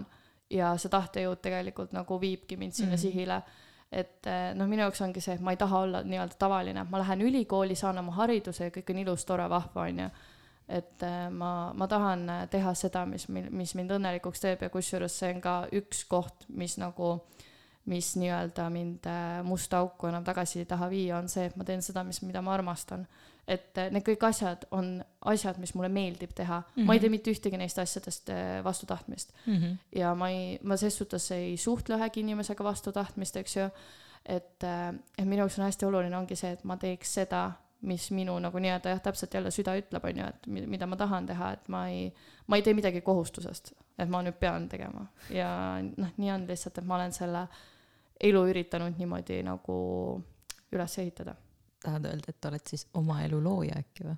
absoluutselt, just, just, kindlasti. ma leidsin äh, internetis siin natuke guugeldades sellise huvitava lause, et mida sa kõige paremini oskad. et äh, siis Anette enda sõnul, ma eeldan, siis on äh, kõige paremini oskab ta jätta inimestele muljet, et ta saab aru ja teab, et kuigi ta tegelikult õpib protsessi käigus, ehk tal on kiire omadus asju õppida ja kiirelt seda ellu rakendada, siis ilmselgelt sel hetkel, kui sa neid tegema hakkad, saan ma õigesti aru, sa ikkagi tegelikult alati sada protsenti ei tea, mida sa teed. ma ütlen ausalt, et see on pea iga asjaga olnud. nagu, kui ma Flanketi lõin, onju. noh, ma olin küll äh, varem olnud ühe väikse ettevõtte tegevjuht, eks ju. eks ma olin neid telgitagusi näinud, et äh, ma olingi tegevjuht siis pulmaagentuuris ja me noh, tegime erinevaid üritusi ja kontserte ja asju ka, onju. et ma olin natukene seda nagu näinud, aga ega ma väga nagu ei tea, noh, ma ei süvenenud see hetk vaata sellesse, onju. ja ei, ma hüppasin jälle pea ees vette, eks ju samamoodi see laborant mikrobioloog on ju, pea ees jälle vette, eks ju. No sotsiaalmeedia spetsialist, noh, mul oli Instagram ja Facebook ja palju sul ikka veel vaja on, jälle pea ees, eks ju. sa just äh, põhimõtteliselt äh, tsiteerisid mind siis, kui mina läksin äh, tegema sotsiaalmeediat või olin tooteturundaja sellises startup'is, mille nimi on Flip. siis ma nimetasin põhimõtteliselt et ma ju tean, mis asi on Facebook ja Instagram ja Twitter nagu, kas ma pean rohkem teadma või selleks, et olla väga hea tooteturundaja. no ses suhtes tegelikult nagu mina, ma näen seda, et vaata, enamus töökohad otsivad nii-öelda seda töökogemust, on ju, Mhm. aga kus inimene saab oma kogemuse, kui keegi ei anna talle võimalust mm.? Mhm. noh, see on, ja see on jälle, miks mina annan võimalusi noortele, on ju, võimalust noortele nii-öelda, on ju. et äh, minu jaoks ongi see, et ma tahangi olla puhas leht, sest siis ma õpin nii-öelda selle inimese järgi, kus ma õpin, vaata, või noh mm -hmm., sellest, selle tegevuse käigus et äh, kui mul on mingid varasemad eelarvamused, siis ma ikkagi hakkan toetuma neile, aga need ei pruugi selles ettevõttes läbi lüüa, on ju. noh, näiteks minu ettevõttes praegu, on ju. et, et ma tahangi nagu minna puhta lehena ja õppida selle käigus ja täpselt tegelikult nii see on, ma ei tea, kust sa selle võtsid. ma pärast võin öelda. jah, ütle mulle pärast, sest et ma ei ole seda lauset vist, ma poolt olin kuulnud, aga poolt ma küll ei mäleta. no sa ütled siin ka, et sa suurimaks kirjaks on kirjutamine ja sotsiaalmeedia, mis mulle meeldib, see meenutab mulle natukene, et kui ma no sealt on vist juba kümme aastat möödas, kui ma kunagi Skype'i raames Egiptusesse saabusin ja siis äh, seal koolitusi tegin, siis ma küsisin kohalikelt nagu, kuna ma neid koolitasin, et noh, et mis siis on nagu teie suuremad kired ja seal öeldi, et et kellel oli, et äh, mulle meeldib äh, kodus äh, karaoket laulda ja telekat vaadata, noh siis sinu puhul vähemalt oli siin kirjutamine ja sotsiaalmeedia, mis on omavahel vähemalt ühenduses. ma olen väga suur karaoke fänn, mulle väga meeldib karaoket laulda. no väga hea, siis kui me leiame õige karaoke place'i siit Tartust, siis me oleme koos karaoket laulma. Äh, kusjuures ma just äh, nüüd üleeile oli mul parima sõbranna äh, nii-öelda lõpupidu ja me laulsime seal terve õhtu karaoket ja ma ütlen ausalt, see, see oli mu elu parim pidu lihtsalt. sest mulle nagu mulle meeldib, ma ei oska laulda, onju, okei okay,, nüüd ma, ma ei tea, ei, ma ei tea, ma ei oska ilmselt laulda, ma arvan, et kõik mu sõbrad praegu on nagu, et ei, Anette, sa ei oska laulda aga sa väga tahad laulda? absoluutselt ja ma arvan, et see ongi nagu põhiline, ma mulle väga tundub, soovin. mulle tundub, et sa lähened sellele samasuguse entusiasmiga nagu kõigile ülejäänud, et ma ei oska, aga ma vähemalt õpin selle käigus, kui ma laulan. täpselt, ei, mul on iga asjaga see, et ma tegelikult, ma, mul, mul on selline nagu uskumatult hea anne Eh, näida, et ma tean, mida ma teen, aga ma tegelikult tavaliselt väga tihti ei tea, mida ma mm, teen. selle asja nimi on enesekindlus. Just, mida mul tegelikult nagu ei olnud, aga mingites hetkedes ta tuleb välja, aga tegelikult nagu nüüd teda tuleb järjest rohkem, siis ma lihtsalt viskan ennast vaata igale poole kuhugi tundmatusse vette vaata, et siis nagu seda tuleb tegelikult järjest rohkem välja. ja see tegelikult ma tean, et see on üks mu tugevamaid külgi nagu ei, see on väga lahe, et sa tead nagu seda, et just see on nagu see osa, mida teha, et näiteks mina oma elus olen ka väga palju asju väga kiirelt õppinud ja siis jääb niisugune mulje, nagu mul oleks annet nagu väga paljudele asjadele, noh, mida mul ilmselt mingis mõttes nagu on ka, onju, aga samal ajal ma ise nagu defineerin seda samamoodi nagu sina läbi selle, et mul on julgust alustada neid asju ja õppida selle käigus ja mul on entusiasmi seda nagu mida ma suudan nagu edasi anda, et seda kirge selle asja vastu, et, et sa ei tee nagu mingit suvaasja, vaid sa teed mingit asja, mis on sulle oluline ja siis sa õpidki. no vot, see ongi see, et tee, tee seda, mida sa armastad, vaata, väga mhm. paljud ütlevad, et ei, sa ei saa teha seda, mida sa armastad, et see ei too sulle raha sisse või mis iganes. aga mina leian, et noh, raha on igal pool olemas, et sa pead lihtsalt oskama seda õiget nuppu vajutada, et see raha sinuni tuleks, mm, -hmm. et tegelikult on võimalik ükskõik millega raha teenida, ükskõik kuidas, on ju et eh, see, et sa ei oska seda nuppu üles leida, on ju, see on noh, paraku selle inimese enda mure, on ju. et, eh, et jah, absoluutselt. aga kust sinu loovad ideed tulevad siis?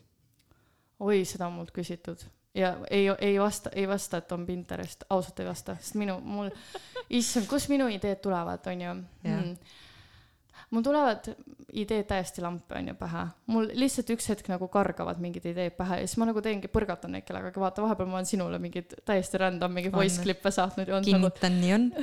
Mul nüüd tuli mõte, et ma ei tea, kust need tulevad, see on nagu üks hetk sa oled seal protsessis sees, ma arvan, et need tulevadki, sest kui ma teen asju südamega, siis ma ju mõtlen selle peale. Mm. -hmm. et et ma jah, ma ei kogu kuskilt inspiratsiooni või ma ei lähe kuhugi loodusesse mingit puud vahtima ja mõtlema, et nüüd peaks midagi tulema, ei mediteeri kodus kümme minutit iga hommik. Mm.. Oh, mulle mediteerida meeldib, aga tead, iga hommik ei tee seda kindlasti, aga ei, ei, ma ei tee mediteerimist sellepärast isegi, et nagu midagi tuleks, mul kuidagi, ma ei tea, need ideed lihtsalt tulevad. Nagu päris ausalt, mul ei, mul ei ole kunagi sellist nagu nii-öelda ideede kriisi olnud, et nüüd on kõik, mul ei tule enam ideid. Mm. -hmm. et ma kuidagi alati suudan noh, mingi idee nagu leida või ma ei tea. see on ka hästi huvitav, et sa tundud olevat samamoodi selline pusletükkide kokkupanija, et sa nagu täpselt leiad, et sa oled võib-olla need infokillod niimoodi täiesti suvalistest kohtadest mingi hetk nagu endale teatavaks, noh, teadusesse nagu lasknud sellel minna. ja siis nagu õigel hetkel kargab välja see mingi idee ja siis sa räägid inimesega ja siis sealt tulevad need ideed, et näiteks seesama podcast siin on ju, oli ka tegelikult suures osas ikkagi sinu julgustusel sai alguse, ma ei tea, sa ei tea veel seda, aga minu puhul vähemalt küll, et sa olid üks esimestest inimestest, kes nagu andis mulle julguse nagu sel, sellisel teemal üldse teha nagu taskuhäälingut, et seda ei ole kunagi varem olnud. ja mulle väga meeldis nagu need mõttevälgatused, mis mul tulid kui ma sinuga sellel teemal suhtlesin ja see oli ka üks põhjuseid, miks ma tahtsin sind siia saatesse kutsuda, et, et ka teised inimesed saaksid sinu mõttevälgatustest ja põrgatustest veidi inspiratsiooni. mulle meeldib see, et see oli meie teine suhtluspäev või esimene suhtluspäev. ta ei, põhimõtteliselt küll jaa, esimene päev oli jah. Issand, aga jaa, ma mäletan, et ma olin väikse ajaga samal ajal väljas, kui ma sinuga rääkisin, just kiigutasin teda magama ja siis ja, ja ma räägin, need tulevad täiesti nagu random ajal, vaata, siis kui inimene hakkab minuga rääkima, siis mul tekivad nagu oma mõtted, on ju, siis ongi täpselt, hakkame mingi põrgatama neid ja rääkima ja issand, kui lahe, mul nii hea tunne, nii hea on siin olla. Vestluses tekib tõde nii-öelda, on ju. et sealt tulevad ka siis need nii-öelda ideede teostused, aga ma arvan, et ma selles suhtes olen sinuga nagu sarnasel lainel, et, et tegutsedes tuleb tegelikult nagu see idee veel paremini nagu esile, et see, paljudel inimestel on häid ideid, aga tegudesse jõuavad väga vähesed neist. No ongi see hirm, vaata onju, et, et okei okay,, et kuidas ma alustan, mis edasi, vaata inimene tahab saada seda kuidagi mingit kindlustunnet mm, -hmm. aga samas, kuidas sa saad nõuda kindlustunnet, kui sa pole seda isegi alustanud, kui sa pole loonud seda võimalust, siis kuidas sa noh, ikkagi sa ju lähed, noh, numbrid lähevad ka üks, kaks, kolm, neli onju, aga sa hakkad samamoodi astuma onju et aga sa tegelikult nagu seda järgmist sammu sa ei saa ette või sa ei saa, noh, okei okay,, sa võid mõelda kaks sammu ette, on ju, aga me teame, et alati tegelikult need asjad moonduvad või nagu sa hakkad ikkagi noh, lähed selles suhtes nagu mm -hmm. sa vaatad vaata vastavalt keskkonnale, kuidas sa edasi lähed, on ju. et, et ongi see, et inimesed kuidagi loodavad, et nad nagu selle mingid stepid saavad nii-öelda vahele jätta ja kohe lähevad sinna, onju.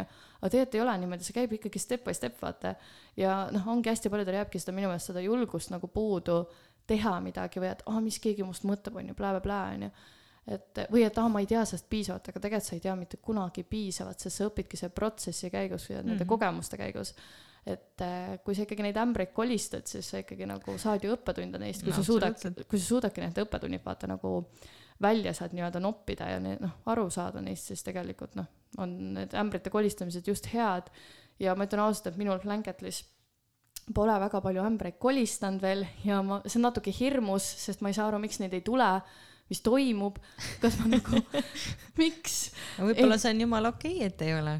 no tegelikult ei, meil, eks meil nüüd Anneli, noh, mu õmbleja shout out on ju mõtleb kindlasti, et mis asja, meil on neid ämbreid olnud küll, onju. aga kuidagi minu jaoks on alati need, et noh, mina olen nagu siuke, kui Anneli mingi probleemi siis mulle ütleb, onju, siis ma kohe nagu, et aa ei, kuule, oota, ma fix in ära selle, mis asja, ma annan ette, ma fix in, vaata. et äh,. Anette the fixer aga põhimõtteliselt alati, noh, Anneli teab, et kui ta ütleb mulle, et pleede on vähe, siis ma tulen ka endast kolmekümne pleediga ja ütlen, et meil on koostööpartner nüüd, et, et noh, niimoodi need asjad kuidagi käivad, et, et, et ma ei tea, noh, minu jaoks on see ka, et ma usun hästi sellesse nii-öelda, et äh, elu juhib meid, onju, et äh, kui sa teed midagi õiget asja, et siis nagu elu kuidagi nii-öelda mängib sulle need õiged kaardid, onju, kätte.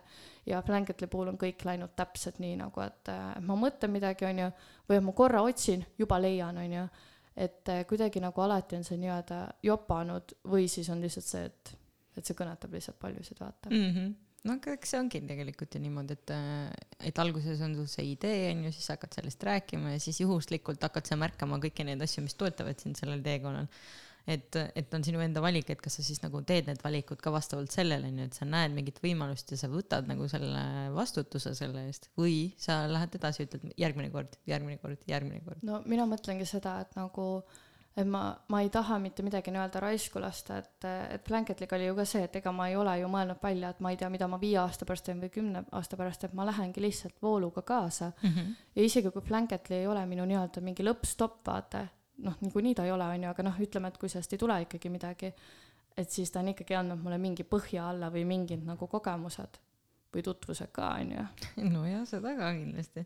aga kas selles suhtes sa siis ütled, Blanketly on pigem sihuke kireprojekt kui igapäevane töö sinu jaoks või? ei, ei, kindlasti, ei, selles suhtes ta on ikkagi igapäevane ja ta on kiretöö, ta on igapäevane ja kindlasti ma üks hetk tahaksin, et ta oleks ka minu jaoks igapäevane töö, aga hetkel on minu eesmärk ikkagi saada oma õmblejatele see nii-öelda turvatunne, on ju, et, et pigem neile nagu palka maksta, et ise ma nagu ennast praegu nagu ei mm, -hmm. ei noh, ei mõtle sinna nii-öelda sisse vaata, aga ei, minu jaoks on Blanketly nagu see, et ma arvan, et ta on kestev, kestev projekt ja ja meil on nii palju ideid, ideid mõttes, nagu sa tead, on ju, et et absoluutselt ma arvan, et see, et ei, ma kindlasti nagu annan endast sada kaks protsenti, kui mitte rohkem, et see asi ikkagi nagu jääks kestma kas sul oli midagi Blanketli osas ka, mis sind nagu üllatas või on üllatanud?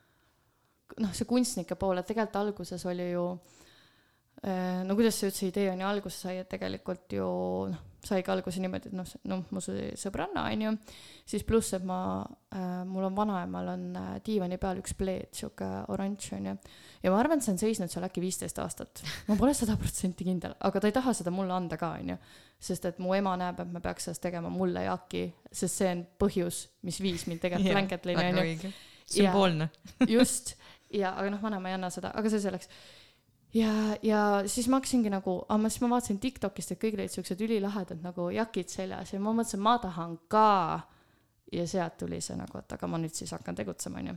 aga tegelikult, kus ma tahtsin jõuda, on see, et tegelikult alguses oli mul äh, plaan või noh, sihuke ikkagi nagu rohkem see taaskasutus on ju ja see jaki tootmine, et need kunstnikud olid minu jaoks, jah, ma tahtsin, aga nagu ma ei arvanud, et sellel on nii suur, et see eneseteostus sealt nagu välja tuleb. et see on nagu, ma alguses nagu võtsin ikka ühe missiooni, et aga mm -hmm. nüüd on sellest missioonist kuidagi saanud nagu kaks missiooni nii-öelda, vaata, et ongi see taaskasutus ja eneseteostus. aga eneseteostus alguses ei olnud, aga praegu ma näen, et see on palju suurem väärtus tegelikult mm. -hmm. selle koha pealt äh, Blanketli üllatas mind, et kuidas nagu tegelikult noored kunstnikud otsivad ja ootavad seda. ja, ja mul on nii hea meel, et ma saan nagu sellist võimalust nagu pakkuda nojah, see on suur asi, eriti nendele nagu, kes alles esimesi samme teevad, aga sa ei tee ju Flanketlit üksi nagu. selles suhtes sa oled küll juhataja, aga sul on, sul on päris oma väike meeskond. ma ei ole juhataja, ma ütlesin, ma olen looja. no looja. ei, ma ei pea ennast juhatajaks. ma jah, selles suhtes jah, mul on äh,, oota, palju meid hetkel on, oota, sina, sa oled mind ka juba siis perekonda. Keroli. kolm kunstnikku, kaks kuus, kuus, viis, kuus kuus äh, ongi ju noh, Anneli, kes siis õmbleb, muidugi on äh, praegu see, et meil on tegelikult töökoormus päris palju suurenenud. ehk siis, kui keegi, kes siin kuulab praegu, oskab õmmelda ja tahab kaasa lüüa, siis palun kirjuta mulle, näe, ma juba siin hakkasin jaa, ei onju. absoluutselt, siis ma oleks sulle hiljem ka võimaluse andnud selleks. võid vabalt kohe siin teha, shout out, aidake välja. ei, absoluutselt ses suhtes, et äh, noh, meil on eesmärk äh, minna hooandjasse ja oma ateljee luua, ehk siis noh, aga miks see ateljee, et äh, muidugi nice to have on ju, aga samas on tegelikult see, et ma tahaksin õmblejatele seda töökeskkonda luua. et äh, kuna me õmbleme nii-öelda tööstuslike masinatega, see töökeskkond on hästi oluline ja ma näen, et hetkel mul on raskem leida seda inimest, kuna mul ei ole seda töökeskkonda, aga ma liigun selle poole, et see nagu luua. ja noh, ongi Anneli on ju, kes on mu õmbleja, kes on igast hullustega kaasa tulnud ja, ja noh, kes on üldse nagu imeline in- inimene nii-öelda mu kõrval siis on meil kolm kunstnikku, noh, on Kaisa on ju, kes on meie pere kõige värskem liige, siis on see, see on mina. see oled sina, siis on äh, Diana, kes äh, ka tänu sinule äh, loob tegelikult teist kollektsiooni, et äh, sina inspireerisid teda selles. ja siis on Grete, kellest kogu nii-öelda see pull alguse sai äh,. Siis on äh, noh, ma loen teda meeskonnaliikmeks, on ka mu armas sõbranna Caroli, kes äh, toetab mind kodulehel, et mina olen sihuke, ma tegin küll kodulehe ise valmis, on ju äh,, tänu siis äh, koolile jah, nii tubli. no mul oli vaja arvestus kätte saada ja siis ma mõtlesin kohe, et noh, ma olen just sihuke inimene, vaata, kes teeb nagu missioon kohe olemas. just, aga ma olen see inimene, kes teeb nagu asju ikkagi mõtestatud, et mm. ma Mhm. ei tee mingeid asju, noh, ma küsin alati, et mis mõte sellel on, ma tahan nagu seda mõtet saada või mis selle eesmärk on, onju. Ja siis ma kohe mõtlesin, et ah, ma teen oma, noh, oma siis brändile, onju.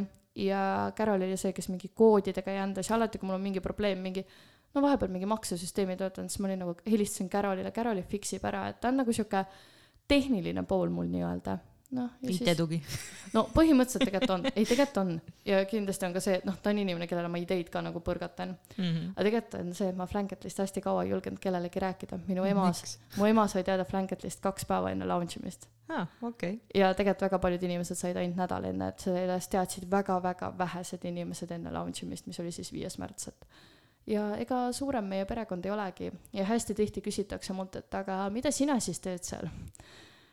et äh, mina teen seda kõike, mida keegi teine ei tee, et sa oled nii-öelda suure trammi juht, noh. just, et aga mult on ikka küsitud seda, et oot, aga mida sina siis teed, et sa ei õmble, sa ei joonista, vaata, siis ma olengi nagu, et aga see on, see on see, mida sina näed, on ju, aga kuidas see kõik asi kokku nagu koos püsib, kes suhtleb klientidega, kes haldab sotsiaalmeediat, kes nagu turundab, kes möllab, see olen mina, vaata, kes teeb Mhm. raamatupidamist mm. -hmm. mina. noh, kõrvalt ise ettevõtjana võin öelda, et äh, loova inimesena on see veel nagu megakeeruline, ma arvan, et sinu puhul vähemalt tundub, et sul on seda ratsionaalset äh, projektijuhtimise osa nagu veidi rohkem. Et see kindlasti tuleb alati kasuks, et hea on, kui kunstnikud ei pea tegelema selle kõige muu asjaga. no mul on tegelikult see, et mu parim sõbranna õpib äh, raamatupidamist, nii et ma loodan, et sinna abiks ikka.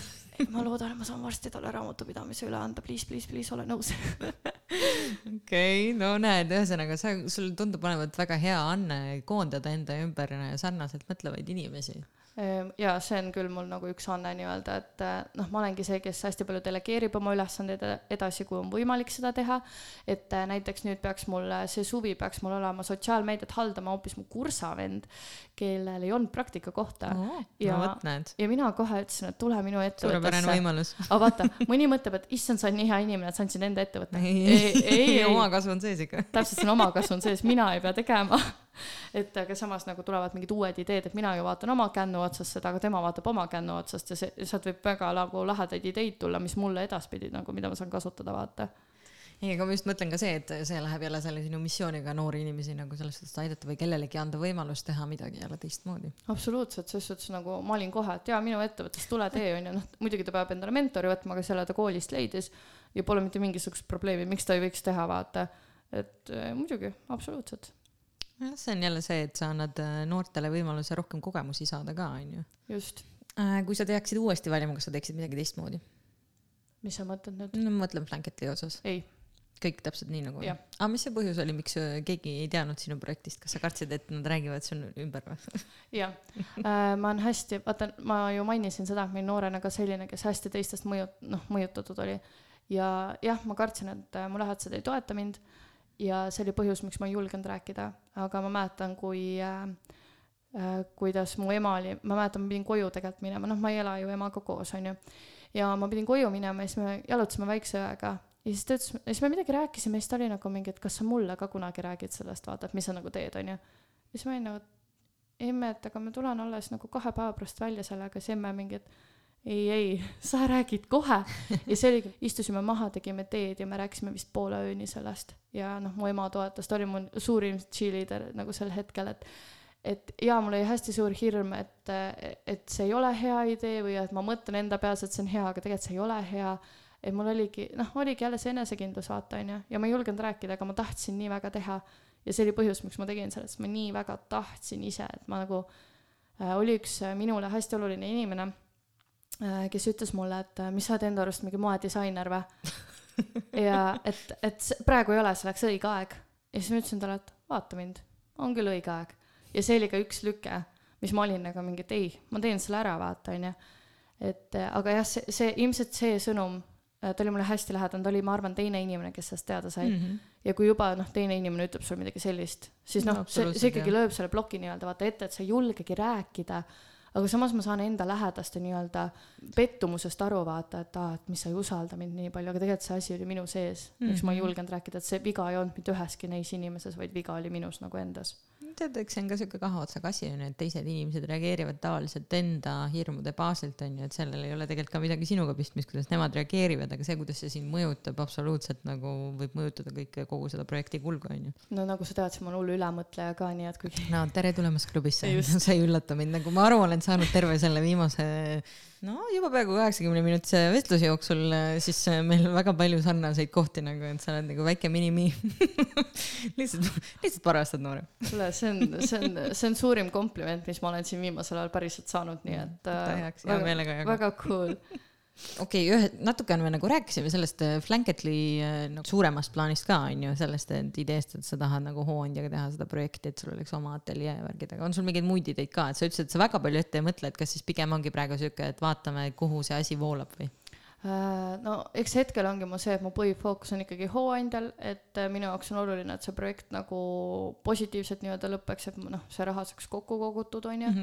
Et äh, hetkel ma olen nagu hooandja peal, samas nagu jah, ma olen hakanud nagu mõtlema, kuidas nii-öelda laiendada meid, et äh, noh, jah, et ongi mingite õpitubadega, et eks ma ikka, ma natukene nagu mõtlen selle peale, aga praegu need settivad, et hetkel ma ei nagu ei otseselt noh, kuna Blanketli on ju tegelikult võtab ta kolm pool kuud, et see see on nii, noh, ongi see, et me kolme, kolme poole kuu jooksul oleme ju välja tulnud äh, kui me naiste kollektsiooni töötasime välja kümme kuud, siis meeste kollektsioon läks meil kuu ajaga, et äh, ütleme niimoodi, et ma arvan, et ma olen kogu oma äh, Anneli mõistuse ressursi ära kasutanud juba, et äh, ma annan ses suhtes nagu jakkide koha pealt, ma annan talle natukene puhkust, et tal tulebki nüüd suvepuhkus, noh, mis minul muidugi ei tule, aga temal tuleb, et ähm, et ütleme niimoodi, et ma hetkel jah, hingan praegu hooandja nii-öelda projekti nagu ärategemises ja käimalükkamises ja siis ma hakkan äh, edasi nagu mõtlema, et eks ikka jah, mõtteid on, aga ma, ma olen tegelikult see inimene, kes nagu mõtleb ja hakkab tegutsema, nii et äh, ma arvan, et ega see tegutsemine kaugel ei ole. ja, ja vaata, vaata varsti jälle kuskil käib see tulede sära-sära nagu kuskil lastakse ilutunestikku, siis saad aru, Anette on jälle jooksus. absoluutselt. kuule, aga räägi, kuidas sinu tegemistega üldse kursis saab olla, et kui keegi tahab su hullumeelset elu jälgida, et eh, kus sa soovitad seda jälgida ja kas üldse, kas sa üldse lubad teistel jälgida? ei, absoluutselt, noh, selles suhtes, noh, ainuke koht, kus ma nii-öelda aktiivne olen, ongi Instagram, kus ma vahepeal story des midagi nagu pajatan oma nii-öelda igapäevasest elust, onju. Et noh, ongi Instagram, et Anette Rulli onju, mis mm. -hmm. ega seal miskit nagu, kuigi ma õpin sotsiaalmeediat, siis ma ei turunda ennast absoluutselt. ja ma ütlen ausalt, noh, eks see on ka see, et kui sa tahad, et sul oleks edukas bränd onju, et siis sa peaks ka ennast turundama, aga noh, ma hetkel panen kogu oma nagu ressursi ikkagi Blanketli peale et eh, noh, minu jaoks on tegelikult hästi oluline just see nagu kaasatus, vaata mm. -hmm. et eh, kui palju, paljusid ma suudan nii-öelda, noh, ongi, kui palju tuleb likee, kuigi noh, likeid ei ole ka minu jaoks, aga pigem need kommenteerimised, tagasiside, vaata mm. -hmm. et et, äh, et minu jaoks on just see kaasatuse protsent, et ma tegelikult isegi ei tea, palju praegu mul mingeid follower'e on, onju. hashtag sotsiaalmeedia ekspert ei, aga ei, ma päriselt, ma just äh, kaitsesin praktikat, ma tegin praktika mm. -hmm. nagu iseenda ettevõttes ja ma rääkisin tegelikult just komisjoni liikmega ja tema ütles ka, et, et, et mul on selles suhtes õige suhtumine, et hetkel ongi noh, see on need numbrid tegelikult, ma võin ju osta, ma võin osta need kümme tuhat follower'i onju Nojah. või siis on see onju, et äh, hästi paljud teevad seda, et hakkavad follow ma mingit kuute tuhandet inimest onju ja siis noh, kolm tuhat paneb ikka sulle tegelikult vastu, tegelikult paneb. ja, ja see on üks asi, mida mina ei seedi mm. -hmm. ja see on ka, mida mina ei tee, et äh, Flanketlil, ma täna vaatasin. tere tulemast minu klubisse eks ole, ma hakkasin äh, täna ühte inimest follow ma nagu äh, Flanketli alt, sest et ta on mu enda nagu tuttav. Ja, ja nüüd on Flanketli kolmkümmend noh inimest, keda tema follow b. noh, minu jaoks mm, see ei ole nagu see, sest need ei, noh, ongi see kaasatus tuleb null mul mm. Mhm. lõpuks on null onju, et noh, mul ei ole ju mõtet, et ongi, et mul on kümme tuhat follower'i onju ja mul on kümme laiki. noh, mingi, mille jaoks vaata. Nojah, aga kuigi mulle tundub, et praegu vist Instagram liigub ka sinna suunas, et need äh, likeide arvud ju kaotatakse ära ja ma vist ei tahagi vaadata, et mul on täitsa mõned kontod, mille puhul ma ei jälgi nagu seda, et no mul on isiklikus Instagramis on äh, likeid maha võetud mida Et noh, vähem ma tean, seda parem on, aga ma lihtsalt jagan, sest mulle meeldib jagada. Ja, täpselt, aga noh, aga tegelikult on ka see, vaata, miks paljud ei julge jagada, et aa, et noh, just mingit pilti vaata, et aa, et saab vähe likee või midagi, onju. ei, mul on ka see olnud, ma tean, ma tean, mis tunne see on, onju. Et aga, aga noh, seepärast ma paningi tegelikult likeid ära, et, et ma ikkagi jagaks seda, mida ma tahan jagada. mm. -hmm. et oled ise ka nagu rohkem ausam iseendaga onju, et ja ei, ei pane oma põhirõhku või tähelepanu sinna, mis ei oma nagu nii palju tähtsust. ja just. põhimõtteliselt siis väike Blanketli promonurk äkki, mida saab Blanketlist osta üldse? kas me üldse rääkisime, mida Blanketis tegelikult me ei rääkinud isegi, kui ma praegu mõtlen, me oleme nagu palun, here's your moment. absoluutselt. põhiliselt Flanketli ongi siis äh,, sul on siis kaks võimalust nii-öelda, et sul on võimalus e-poest siis jakk tellida, mis on juba valmis Mm -hmm. et ta on siis nagu universaalses suuruses, sihuke oversized, mõnus ja ilma voodrita mm. -hmm. ja siis on meil nii-öelda teise kategooria, kus siis äh, sa saad valida, mis pleidist sa tahad või mm Mhm. -hmm. saad oma pleidiga tulla, mis on ka võimalus. siis sa saad valida meie toredate kunstnike pilte mm Mhm. -hmm. selja peale või siis kuhu iganes tegelikult, eks ju, ongi siis äh, võimalus ise see jakk nii-öelda kokku panna, et see eh, me tahame nüüd liikuda selles suunas, et me ikkagi noh, pigem teeme oversize'e, sest et see mõõtude järgi tegemine on hästi keeruline, kui ei ole võimalik kuskil proovida või kui mm -hmm. ei saa Mhm. ise mõõta, onju. et, et see on keeruline. aga jah, saavadki praegu nii naised kui ka mehed tellida Mm -hmm. et äh, lapsi me hetkel, lastele me pole hetkel midagi teinud, selles suhtes eritellimuse peale me teeme ikka, onju. Ja noh, e-pood nüüd täienebki kohe-kohe tegelikult ja üks jakk tuleb sinu pildiga ka, Kaisa. Yeah. nii tore. ma arvan, et sa juba aimad, mis pilt seal on. okei, jaa, ma Okei. arvan, et ma tean. et, et jah, tegelikult me nagu e-poodi ka tasakesi paneme siin jakikesi juurde ja et saab nii-öelda ostagi valmis toota, onju. Need on siis nagu põhimõtteliselt sinu enda maitse ja asjade Just. järgi kokku pandud nagu, et no meil on tavaliselt signatuur on siis selline, et me teemegi siukse oversize, one size ja, ja siis ongi selja peal pilt nagu nii-öelda rõhutatud, ehk mm -hmm. siis, et äh, täiesti nagu näeb välja nagu paberileht onju mm, mm -hmm. et ei ole nii-öelda hajutatud. see on ka põhjus on sellepärast, et minu jaoks on nagu oluline neid, seda kunstniku loomingut nii-öelda rõhutada, et minu jaoks ei ole see kunstnik, kes saadab mulle oma pildi, see ei ole pilt lihtsalt, see on tema looming, see on nagu tema lugu ja ma ei taha, et ta kuhugi jaki sisse nii-öelda ära kaob mm. -hmm. vaata mõistad, onju. et, et ma tahangi, et olekski rõhutatud, et ongi nagu bänger seal vaata keskel.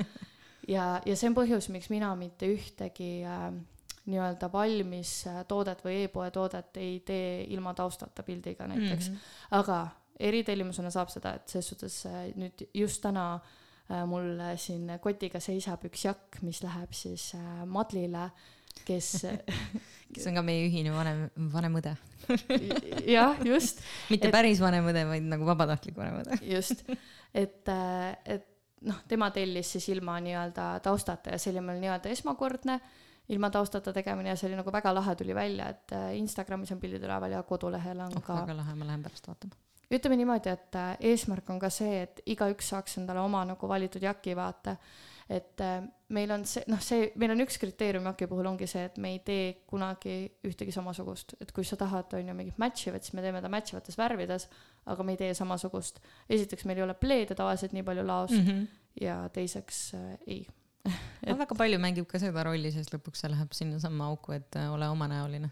just, just, et julge olla sina ise, et julge just. olla see, mis sulle meeldib, et meil on äh, üks jakk nüüd, ma arvan, et ta saab valmis augusti alguse poole jah, on Grete Jakk, kes tellis, mitte meie kunstnik Grete, tellis kolmest pleedist jaki, tavaliselt me teeme kahest pleedist mm. -hmm aga tema tellis kolmest ja selja peale tuleb tema koera pilt, mille ta nagu emme laseb, emmel laseb joonistada.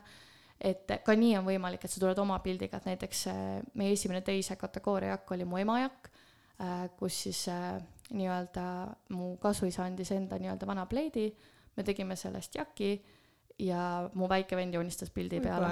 ja, ja see ja mu emme nagu kannab seda jakki, et et, et on ka võimalik nii-öelda oma pildiga tulla, on ju, et noh, kui sina näiteks on ju tahaksid mingi, ma ei tea, mhm. joonistad mingi ekstra pildi on ju ja sa tahad seda pilti just, siis absoluutselt me paneme. et, et see ongi see võimalus nii-öelda noh äh,, H&M-ist ja Saarast saad sa seda kiirmaa asju osta küll ja veel, on ju, neid ühesuguseid riideid, aga ongi just see eesmärk, et oleks sihuke eriline ja mõnus ja sinu, noh, ongi sinu enda näoline. et, et kui ma praegu mõtlema hakkan, siis minul ei ole ühtegi blanketli jakki nagu endal, mis on päris mm, -hmm. päris kingsepp, kurb. kingsepp käib ikka, kuidas öeldakse, kingad katki või, või paljajalu või kuidas see oligi aga kust need pleedid tulevad, mis, mida te seal kasutate, kuidas te, kuidas sa nagu need leidsid või äh, kes sind aitab selle, selle koha pealt? sellega on hästi huvitav lugu äh,. alguses äh, ma ütlen ausalt, et ma hakkasin pleede otsima niimoodi, et äh, mul ei olnud õmblejat veel, onju. õmble ma leidsin ka äkki kahekümne minutiga ühise tuttava läbi okay. ja, ja kohe tekkis klapp ja kohe oli nagu üli, ülilahe Tannelit ma tegelikult enne Blanketli loomist ei teadnud või noh, selles suhtes enne, kui ma sellega tegelema onju hakkasin. aga pleedid tulidki niimoodi, et ma kirjutasin äh, oma lehele ja kolme kuhugi taaskasutuse gruppi. ja, ja ma sain üle kolmekümne pleedi ma lihtsalt kirjutasin, et mul on üks projekt, onju. vahepleide. just, enam-vähem. Send blades. ja, ja, ja, ja kui ma isegi pakkusin nagu mingit noh, tasu või midagi, siis enamus ei tahtnud. ja äh, siis ma ise jälgin hästi palju mingeid marketplace'e või mingit siukest äh, taaskasutat-, noh, mingeid kaltsukaid ja niimoodi mm. -hmm. et see on ju ka taaskasutus, onju, et ma vahepeal soetan nad kaustas äh,. ja veel me teeme koostööd sellise ettevõttega nagu Logotrade, kes siis teevad pleede ja panevad sinna nii-öelda ettevõtete logosid peale mm. -hmm. aga noh, tihtipeale ikka mingid näidispleedid või siis läheb midagi noh, et klient otsustab ümber ja need pleedid jäävad alles. ja siis ka nendest pleedidest me teeme jakke. et ja ongi, või siis on see, et klient tuleb oma pleediga ja ütleb, et aa, kuule, mul on sihuke pleed, kas ma saaks seda kasutada või mul on, ma otsin välja endal noh, mingid pleedid valikust, on ju mm. -hmm. et noh, ka nii on võimalik tulla et ja hind hakkabki ju sõltuma sellest, kui palju nii-öelda sina on ju panustad, et kas sa nagu kui sa tuled oma pleidiga, läheb hind odavamaks, kui sa tuled oma pildiga, läheb hind odavamaks ja nii edasi, onju. see hind selles suhtes ka nii oleneb, vaata sellest mm. -hmm. kas nendel jakkidel on taskud? jaa. Väga hea tavaliselt, ei, ses suhtes tavaliselt on ja just äh, see jakk, mis mu siin ootab, madlijakk, me tegime hästi mõnusast karvasest äh, pleedist tegime taskud ja siis tegime selle kaputsi äärega sihuke mõnusalt mm. karvase, nii et nagu ta tahtis hästi suuri ja siukseid mõnusaid taskuid, nii et need ta sai. no vot, mina ka alati mõtlen, et ükskõik nagu, kas sul on jakk või kleit või midagi, on ju, naistel on tavaliselt see probleem, nii palju on tavaari, midagi on mm -hmm. vaja nagu taskusse panna, kui sul taskuid pole, siis on jama majas just, no kinnituse poole pealt me oleme ikkagi läinud kas trukkude trukkida või siis äh, või oleme pannud siis äh, takja peale ehk siis eesti keeles krõpsud onju ja või siis lukuga noh lukuga on tegelikult meil esimesed jakid aga e-poes on ilma kinnituseta et äh, noh saab või... ise valida siis nagu sel hetkel või või ongi lihtsalt niimoodi mõeldud et äh, saab pigem... ise ka valida ses suhtes et aga noh hetkel on meil jah ilma nagu jäetud et see on see nii oleneb inimesest mis kinnitust ta nagu tahab no ma just seda mõtlengi et kui sa selle lähed onju et siis võib-olla sa tahad seda aga võib-olla tahad hoopis lihtsalt ainult vööd onju no just just väike valikuvõimalus ka juurde, et ma saan aru, teie, teie see õm-, õmbleja võlur Anneli läheb kõik asjad korda kogu ajan. Anneli on, Anneli on päriselt no ta on, ta on lihtsalt, ta on ingel siin maamunal, ma olen täiesti kindel, et ta on ingel, sest et nagu ma arvan, et noh, ma ütlen ausalt, et ma ei ole ses suhtes lihtne inimene, et kui mul tuleb idee, siis ma olen päris jonnakas sellega, ma nagu tahan, et see oleks ka nii. ja ma tavaliselt nagu eitava vastusega väga kiiresti ei lepi, et ma olen ikkagi see, et aga ei, ma leian võimaluse. aga ei, kuidagi peab ikkagi saama või et, või siis ma olen nagu põhiküsimus, aga kuidas me lahendame selle olukorra nüüd onju, et äh, selles suhtes nagu ja ta on igale mu nagu ideele vastu tulnud, ta on mind maa peale tõmmanud, aga noh, ongi see, et siis ta pakub mulle nagu nii-öelda noh, midagi muud selle asemel välja ja ta teab, et ma nagu rahuldun sellega. et äh, ma ütlen ausalt, et Anneli on nagu minu jaoks äh, ja ka Blanketli jaoks nagu tõeline nagu tõeline aare ja no noh, nagu te kõik tegelikult, et te kõik annate ju mulle midagi juurde ja ja ma olen niivõrd õnnelik, et noh, et me oleme hetkel ju kolm pool kuud tegutsenud ja ja see perekond on juba nagu päris suur, et, et kui suur see veel nagu noh, ma, ma arvan, et see veel saab, noh, kindlasti kasvab veel vaata, aga see on nagu nii lahe, kui paljude erinevate nagu inimeste ja kui imeliste inimestega see Blanket mind nagu kokku viinud, et, et see on, see on noh, see on lihtsalt nagu uskumatu kas on mingi eriline põhjus ka, miks sa nimetad neid inimesi, kellega sa koostööd teed äh, perekonnaks või Blanketli puhul just nagu perekonnaks mm,? selle, ma arvan, et see on sellepärast, et äh, noh, mina olen Blanketi puhul hästi läbipaistev oma nii-öelda perekonnas on ju, noh, no ma mõtlen just teiega on ju, et et äh, ma üritan olla võimalikult läbipaistev ja ma usun, et ka teised on mulle vastu läbipaistvad mm. -hmm ja, ja see on põhjus, miks ma kutsun meid perekonnaks, et me nagu arvestamegi sellega, et kui sina ütled mulle, et kuule, ma täna ei jaksa või et ma täna ei tee, siis ma olen nagu tea, cut it, vaata. et me nagu, me hingame ühte, vaata, ja see on minu jaoks, sellepärast ma kutsungi meid perekonnaks, sest et me hingame ühte, meil on üks missioon, meil kõigil tegelikult on üks missioon. et, et jah, see on põhjus, miks ma nagu kutsun teid perekonnaks, jah väga armas igatahes. ei, ma lihtsalt mõtlen, et noh, et põhjuseid võib-olla ükskõik millised on ju, aga mulle meeldib just see kirjeldus sellest, et see on jälle see, et kui sina ise oled ehe ja siiras, siis maailm on sinu vastu täpselt samasugune, kui sina ise oled läbipaistev, siis teised inimesed saavad sinust ka aru, et see inimlikkus jääb sinna siis kuidagi veel eriti hästi õhku. et sellel ei ole seda kommertsvaibi vaata juures. just, et äh, me Anneliga ka üks päev arutasime, et äh, meil on noh, vähe sihuke äh, stressirikkam periood tuli ja, ja, ja me arutasime sellest ja tegelikult noh, ma ütlesin ka Annelile hästi palju, et ma olen ka inimene, ma tegelikult saan väga hästi aru ja ma oskan väga hästi samastuda. isegi kui ma ei ole samas olukorras olnud, siis ma nagu, ma saan aru, noh, ma olen see inimene, kes ongi, et kui sa ütled mulle, et ma ei suuda või ma ei, noh, ma ei saa seda teha, siis ma mõtlen nagu välja mingi back-up plaani, kuidas ma saan sinu selja tagust nagu kaitsta mm. -hmm. et ma mitte kunagi ei ole nagu mingi, et ei, sa pead saama, mind ei huvita, vaata, ei yeah., noh, never pole selline. ja ma olen alati nagu mingi, et tule räägi minuga, räägime, ma noh, nagu ma, ma räägin enda mõtted ära, leiame kompromissi, leiame lahenduse, on ju, et. okei okay,, lähme siis äh, lõpuküsimusteni. okei nii, skaalal ühest kümneni. Kui tundlik või emotsionaalne inimene sa oled? mm,? kaheksa. okei okay., millal viimati pisaraid valasid äh,? eile, õnnepisaraid väga hea, mulle meeldivad õnnepisarad, need on kõige ägedamad ma ütlen ausalt, et äh, ma pisardan hästi palju, et ma pisardan, noh, ma ütlen, meil on see, et me ütleme perekonnas hästi palju, et kallis oled.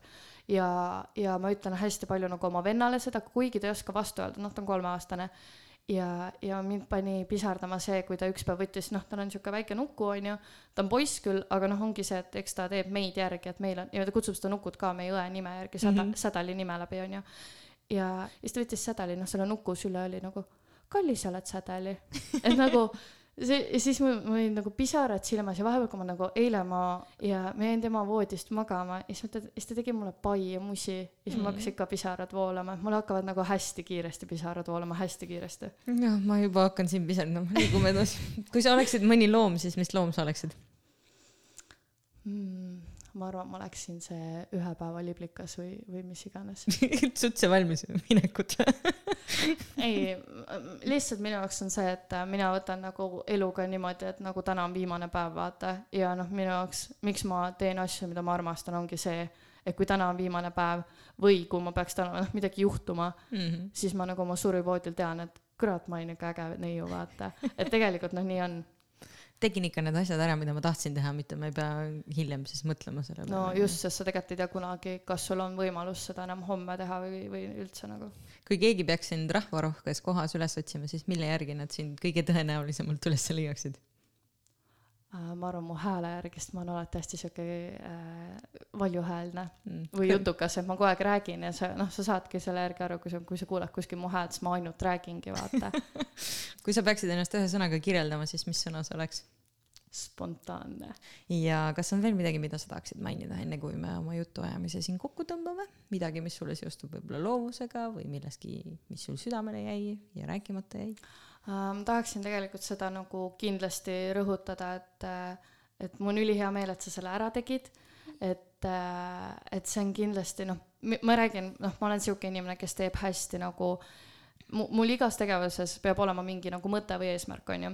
et äh, mu ema vahepeal küsib ka, et miks sa otsid, vaata, igas asjas eesmärki, siis ma olen nagu, et aga ma ei saa, mul ei teki seda kirge, kui ma ei saa aru, mis mm -hmm. selle, mis selle väärtus, mis selle point on, miks ma raiskan oma aega, mis on ka tegelikult üks kallimaid varasid, on ju, sest seda me ei saa enam tagasi. ja miks ma raiskan seda aega selle peale, kui ma saaksin raisa-, raisata, mitte raisata, vaid kulutada seda mõne teise tegevuse peale, on ju. ja noh, ongi see, et sa teed seda nagu see on nii suur väärtus tegelikult ja kindlasti inspireerib nagu väga-väga paljusid.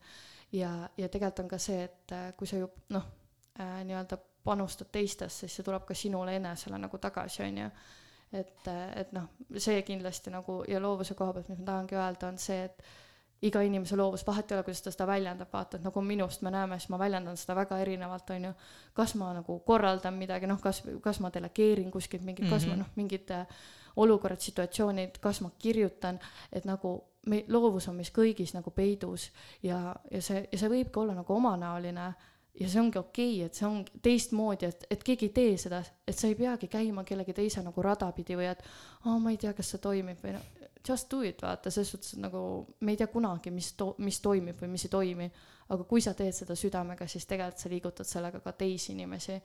ja, ja ma arvangi, et, et tulekski nagu nii-öelda see äh, hästi palju, noh, mis mina olen nagu Blanketli koha pealt nagu näinud, on see, et äh, inimesed ei ütle kunagi, kui sul läheb hästi, et sa teed midagi hästi. vaid pigem on ikka see, et kui midagi läheb aia taha, siis noh, siis tulevad need inimesed, et kuule ikka, oh, mis sa teed, teed siin, on ju. et aga, aga just need head sõnad, et mina, noh, mina just korraldasin turu-uuringu sellepärast, et ma tahtsingi lihtsalt näha mi-, kas keegi üldse mõtleb minust midagi või kas ma üldse jõu-, kas keegi üldse teab minust midagi, kas keegi üldse teab, ma siin blanket'i või ma teen seda lihtsalt nagu kuskil omas mull mullis, vaata. et, et ongi see, et julgeme nagu olla meie ise ja nagu tunnustada teisi ja öeldagi ilusaid asju. et minul on näiteks äh, üks äh, hästi äh, üks hästi vinge tüdruk, Kaisa, samuti Kaisa Käsper on äkki perekonnanimi. Kaisad on ikka igasugused toredad. jaa, aga ta on selline, ta on selline tüdruk, kes siis teeb äh, tagide peale joonistab, selja peale. ja, ja ta on hästi vinge, vaat-, aasta pärast kindlasti nagu Instagramis. tal on väga cool stiil. ja, ja selle asemel, et näha teda kui konkurenti, mis noh, tegelikult ju läheb sarnasesse kategooriasse veits me hoopis tunnustame üksteist ja julgustame üksteist ja push ime ülesse ja toetame üksteist. et äh, just hullult palju kardetakse seda nii-öelda konkurentsi, aga miks me ei võiks nagu üksteist toetada, kes me teeme ühte asja, sest me ju, meil on üks missioon. ja ma oma praktika lõpuaruandes ütlesin ka, et ma ei karda seda, kui keegi teeb mind järgi, noh, Blanketlit järgi mm, -hmm. ma ei karda seda, sest et sellel on väga suur missioon ja kui ma näen, et veel inimesi teeb seda, siis me ju jõuame palju kaugemale kõik koos, vaata, kõik see taaskasutus, kõik eneseteostus, et need kõik suunad, kui ainult mina teen üksi rabelen, ma võib-olla ei jõua nii paljudeni mm, -hmm. aga kui teeb noh, tema ja tema, mitte et ma nüüd ütlen, palun tehke kõik minu järgi, onju, ei, aga lihtsalt, et kui tuleb mõni sarnane idee, siis ära karda seda teha või ära karda nagu ikkagi mingi sinu nišš on sealjuures ja kui sa teed seda südamega, siis ta läheb sinu nägu lõpuks, onju aga see ongi juba väärtus, mida me loome, onju. oh, see läheb kõik nii keeruliseks ja segaseks. ei, ei absoluutselt, mul on kõik selge nagu seebivesi ehk siis on kõik täiesti puder. ei ole üldse lappes, ära muretse. et, et selles suhtes nagu minu jaoks ongi see, et mis ma tahan öelda, et ongi, et julge, julgeme tunnustada üksteist ja luua üksteisele võimalusi näidata nagu teist seda nii-öelda paremas nagu valguses, et sama nagu mina nägin Gretet ja ma tahtsin näidata teda teistele, mhm. onju, et ärme nagu mõtle sellele, et aa, ta oskab nii hästi, ma olen kade on ju enam-vähem või miks ta nii hästi oskab. meil kõigil on mingid anded, mingid asjad, mis nagu keegi oskab hästi teha, keegi oskab halvasti teha, on ju, ja see on täiesti okei okay aga nagu tunnustame neid nagu, tunnustame lihtsalt inimesi mm -hmm. ja ärme karda nagu olla iseendad, et see nagu kindlasti see lõpufraas, mida ma tahan nagu öelda, kõik need loovhinged, kes seda kuulevad. Ja muidugi mu mõned tuttavad, kes lubasid ka kuulata. Et, äh, et kindlasti ärge kartke nagu selles suhtes, ärge nagu mõelge, et aa, et homme on, homme on võimalus või et aa, ma homme teen, sest tegelikult sa ei tea mitte kunagi, kas see homme on nagu, kas ta tuleb. Või et aa, ma paari kuu pärast alustan või et aa, praegu pole õige aeg kunagi ei ole, vaata. no see on see, et eile on ajalugu, homme on alles tegemisel, aga praegune hetk on sul just, ainult praegu. just, ja tegelikult see ongi see, et see protsess ikkagi viib sind edasi, et isegi kui see ei ole edukas protsess, siis see viib sind inimesena niivõrd palju edasi, et nagu kui sa mõtled, et sa teed midagi, onju, siis nagu ongi see, et kas sa surivoodil kahetsed või ei kahetse, enamus asju sa ei kahetse. sest sa tead, et sa vähemalt proovisid ja sa nägid vaeva ja see ongi nagu kõige võti lihtsalt minu meelest absoluutselt, aga ma arvan, et ma siinkohal nüüd äh, lõpetangi ära, sest ma tean, et meil jätkuks muidu jutu kõvasti kauemaks, kui äh, me juba praegu oleme rääkinud. ma väga tänan sind selle eest, et sa võtsid nagu vastu mu kutse siia tulla, nagu ma saan aru, pea ees mugavustsoonist välja on täiesti tavaline sinu puhul, ma sain sinult võtta sinu taskuhäälingu süütuse nii-öelda. nii tore ma, ma nii hullult kartsin siia podcast'i tulla ja tegelikult ma ei mäleta poolest jutust vist mitte midagi, mis ma rääkisin, sest väga hea. on, onju, et äh, aga ei, ma loodan, et ma sain nagu selle põhilise sõnumi öelda või et noh, Kaisa siin kirjeldas mind alguses jumal teab mis sõnadega onju, aga ma ei ole üldse selline, ma olen tavaline väike Anette, kes tuli lihtsalt istus maha ja hakkas aga rääkima. aga näe, vaata, ma nüüd tegin täpselt sedasama, mida sina tahtsid maailmale teha, ma tõstsin sind ka nüüd natukene kõrgemale, ma arvan, et see ongi see oluline, armastus päästab maailma, nagu öeldakse. no absoluutselt ongi see, et me peamegi üksteist tõstma, et nagu, sest muidu noh me ei liigugi kuhugi edasi ja see on, ei mulle kindlasti andis väga palju enesekindlust ja motivatsiooni juurde siin praegu jutustades, nii et äh, minule see juba väärtus lõi, kui kelle, kui keegi teine, keegi teine ei arvanud, et nagu see jutt, mis ma rääkisin, oli tore, siis vähemalt nagu minul oli. ma arvan, et see on täitsa tavaline, et on inimesi, kellele mingid asjad meeldivad, igaüks leiab oma nendest jutuajamistest või vähemalt mina leian iga oma külalisega jutuajamisest alati nagu mingi kokkupuutepunkti ja mingi inspiratsioonipunkti on ju, mis on ka põhjus, miks ma seda teen, et ma tahangi kuulda, kuidas inimesed jõuavad nende ideedeni, kust need tulevad, kas nad on selleks sündinud jutumärkides või mm -hmm. nad ise loovad ennast, et tegelikkuses on mõlemad variandid on täiesti võimalikud ja ma olen sinuga sada protsenti nõus selles, et äh, kui me nagu näeme midagi ägedat ja me saame kedagi aidata, et siis me peaks nagu püüdma nagu tõsta neid inimesi enda ümber, sest tegelikult seeläbi me parandamegi maailma, et see läheb nagu väga hästi sinu selle maailmaparandaja visiooniga kokku uh,. kusjuures äh, mul praegu tuli üks tsitaat meelde, ma väga täpselt ei mäleta, kuidas see, tsitaat oli, see oli raamatus Sa oled tegija, Chen Zingero, Zingero, mis iganes ta, kuidas teda hääldatakse, aga see oli põhimõtteliselt see, et äh, kui inimene ei leia üles seda oma kutsumust, on ju, noh, ei arenda seda edasi, siis ta sureb lõpuks ära niimoodi, nagu oleks muusika ikka veel ta sees, aga ta ei ole seda nagu välja lasknud paljud inimesed ei võta seda aega, et leida endas seda noh, seda nii-öelda tema seda tingi vaata ülesse. ja tegelikult, kui paljud inimesed nagu noh, surevadki ära lihtsalt selle noh, nagu, et nad ei leiagi seda oma mm. teed, sest nad ei võta seda aega, et leida teed ja see on nagu kurb, sest see ongi kõige alus, kui sa leiad oma tee, siis kõik läheb jälle ülesmäge nojah, see, sellel morbiidsel noodil me siis vaikselt lõpetamegi selle podcast'i. see oli nii halb praegu. ei, ei tegelikult on siin, nagu sa näed, me naerame siin stuudios ka, et see kõik on hästi ma lihtsalt tahtsin teha nalja, nagu ma ikka teen alati kõige maitsetumaid naljad jätan lõpupoole, sellepärast et siis ma vähemalt ei ehmata külalisi ära. aga äh, lõpetuseks ütlengi seda, et kallis kuulaja, et kui sulle meeldis see millest me rääkisime või meie jutuajamine, siis ole hea, jaga seda ka teiste inimestega, kellele võiks sellised ideevälgatused ja mõttekäigud äh, huvi pakkuda. vali välja mõni oma tuttav, loov inimene, kellel võiks just see läbi nagu tuge pakkuda ja märka neid inimesi enda ümber, et ma arvan, et see on hästi oluline, et kui tänase jutu käigus midagigi välja tuli, siis äh, eelkõige seda, et julgege olla, kes te olete, julgege mugavustsoonist välja astuda ja julgege märgata ja teisi inimesi tõsta no ja kindlasti ka see, et nagu me ei ole siin maailm või noh, me ei ole siin selleks, et olla kõik konkurendid või et aa, kõik kõigist paremad olla, vaid nagu tegelikult on see, et ongi, kui sa tõstad enda kõrval olevaid inimesi, siis sa tõstad ka iseennast läbi selle. et nagu mõtle kasvõi sellele, kui sa täidad kellegi teise teetassi, siis tema täidab sinu teetassi. absoluutselt. nii.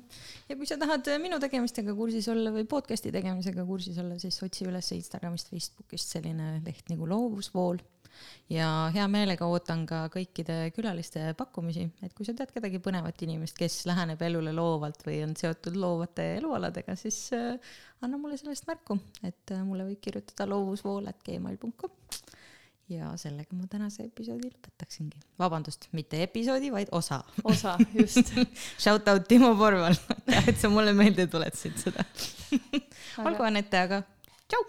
Davai, tšau.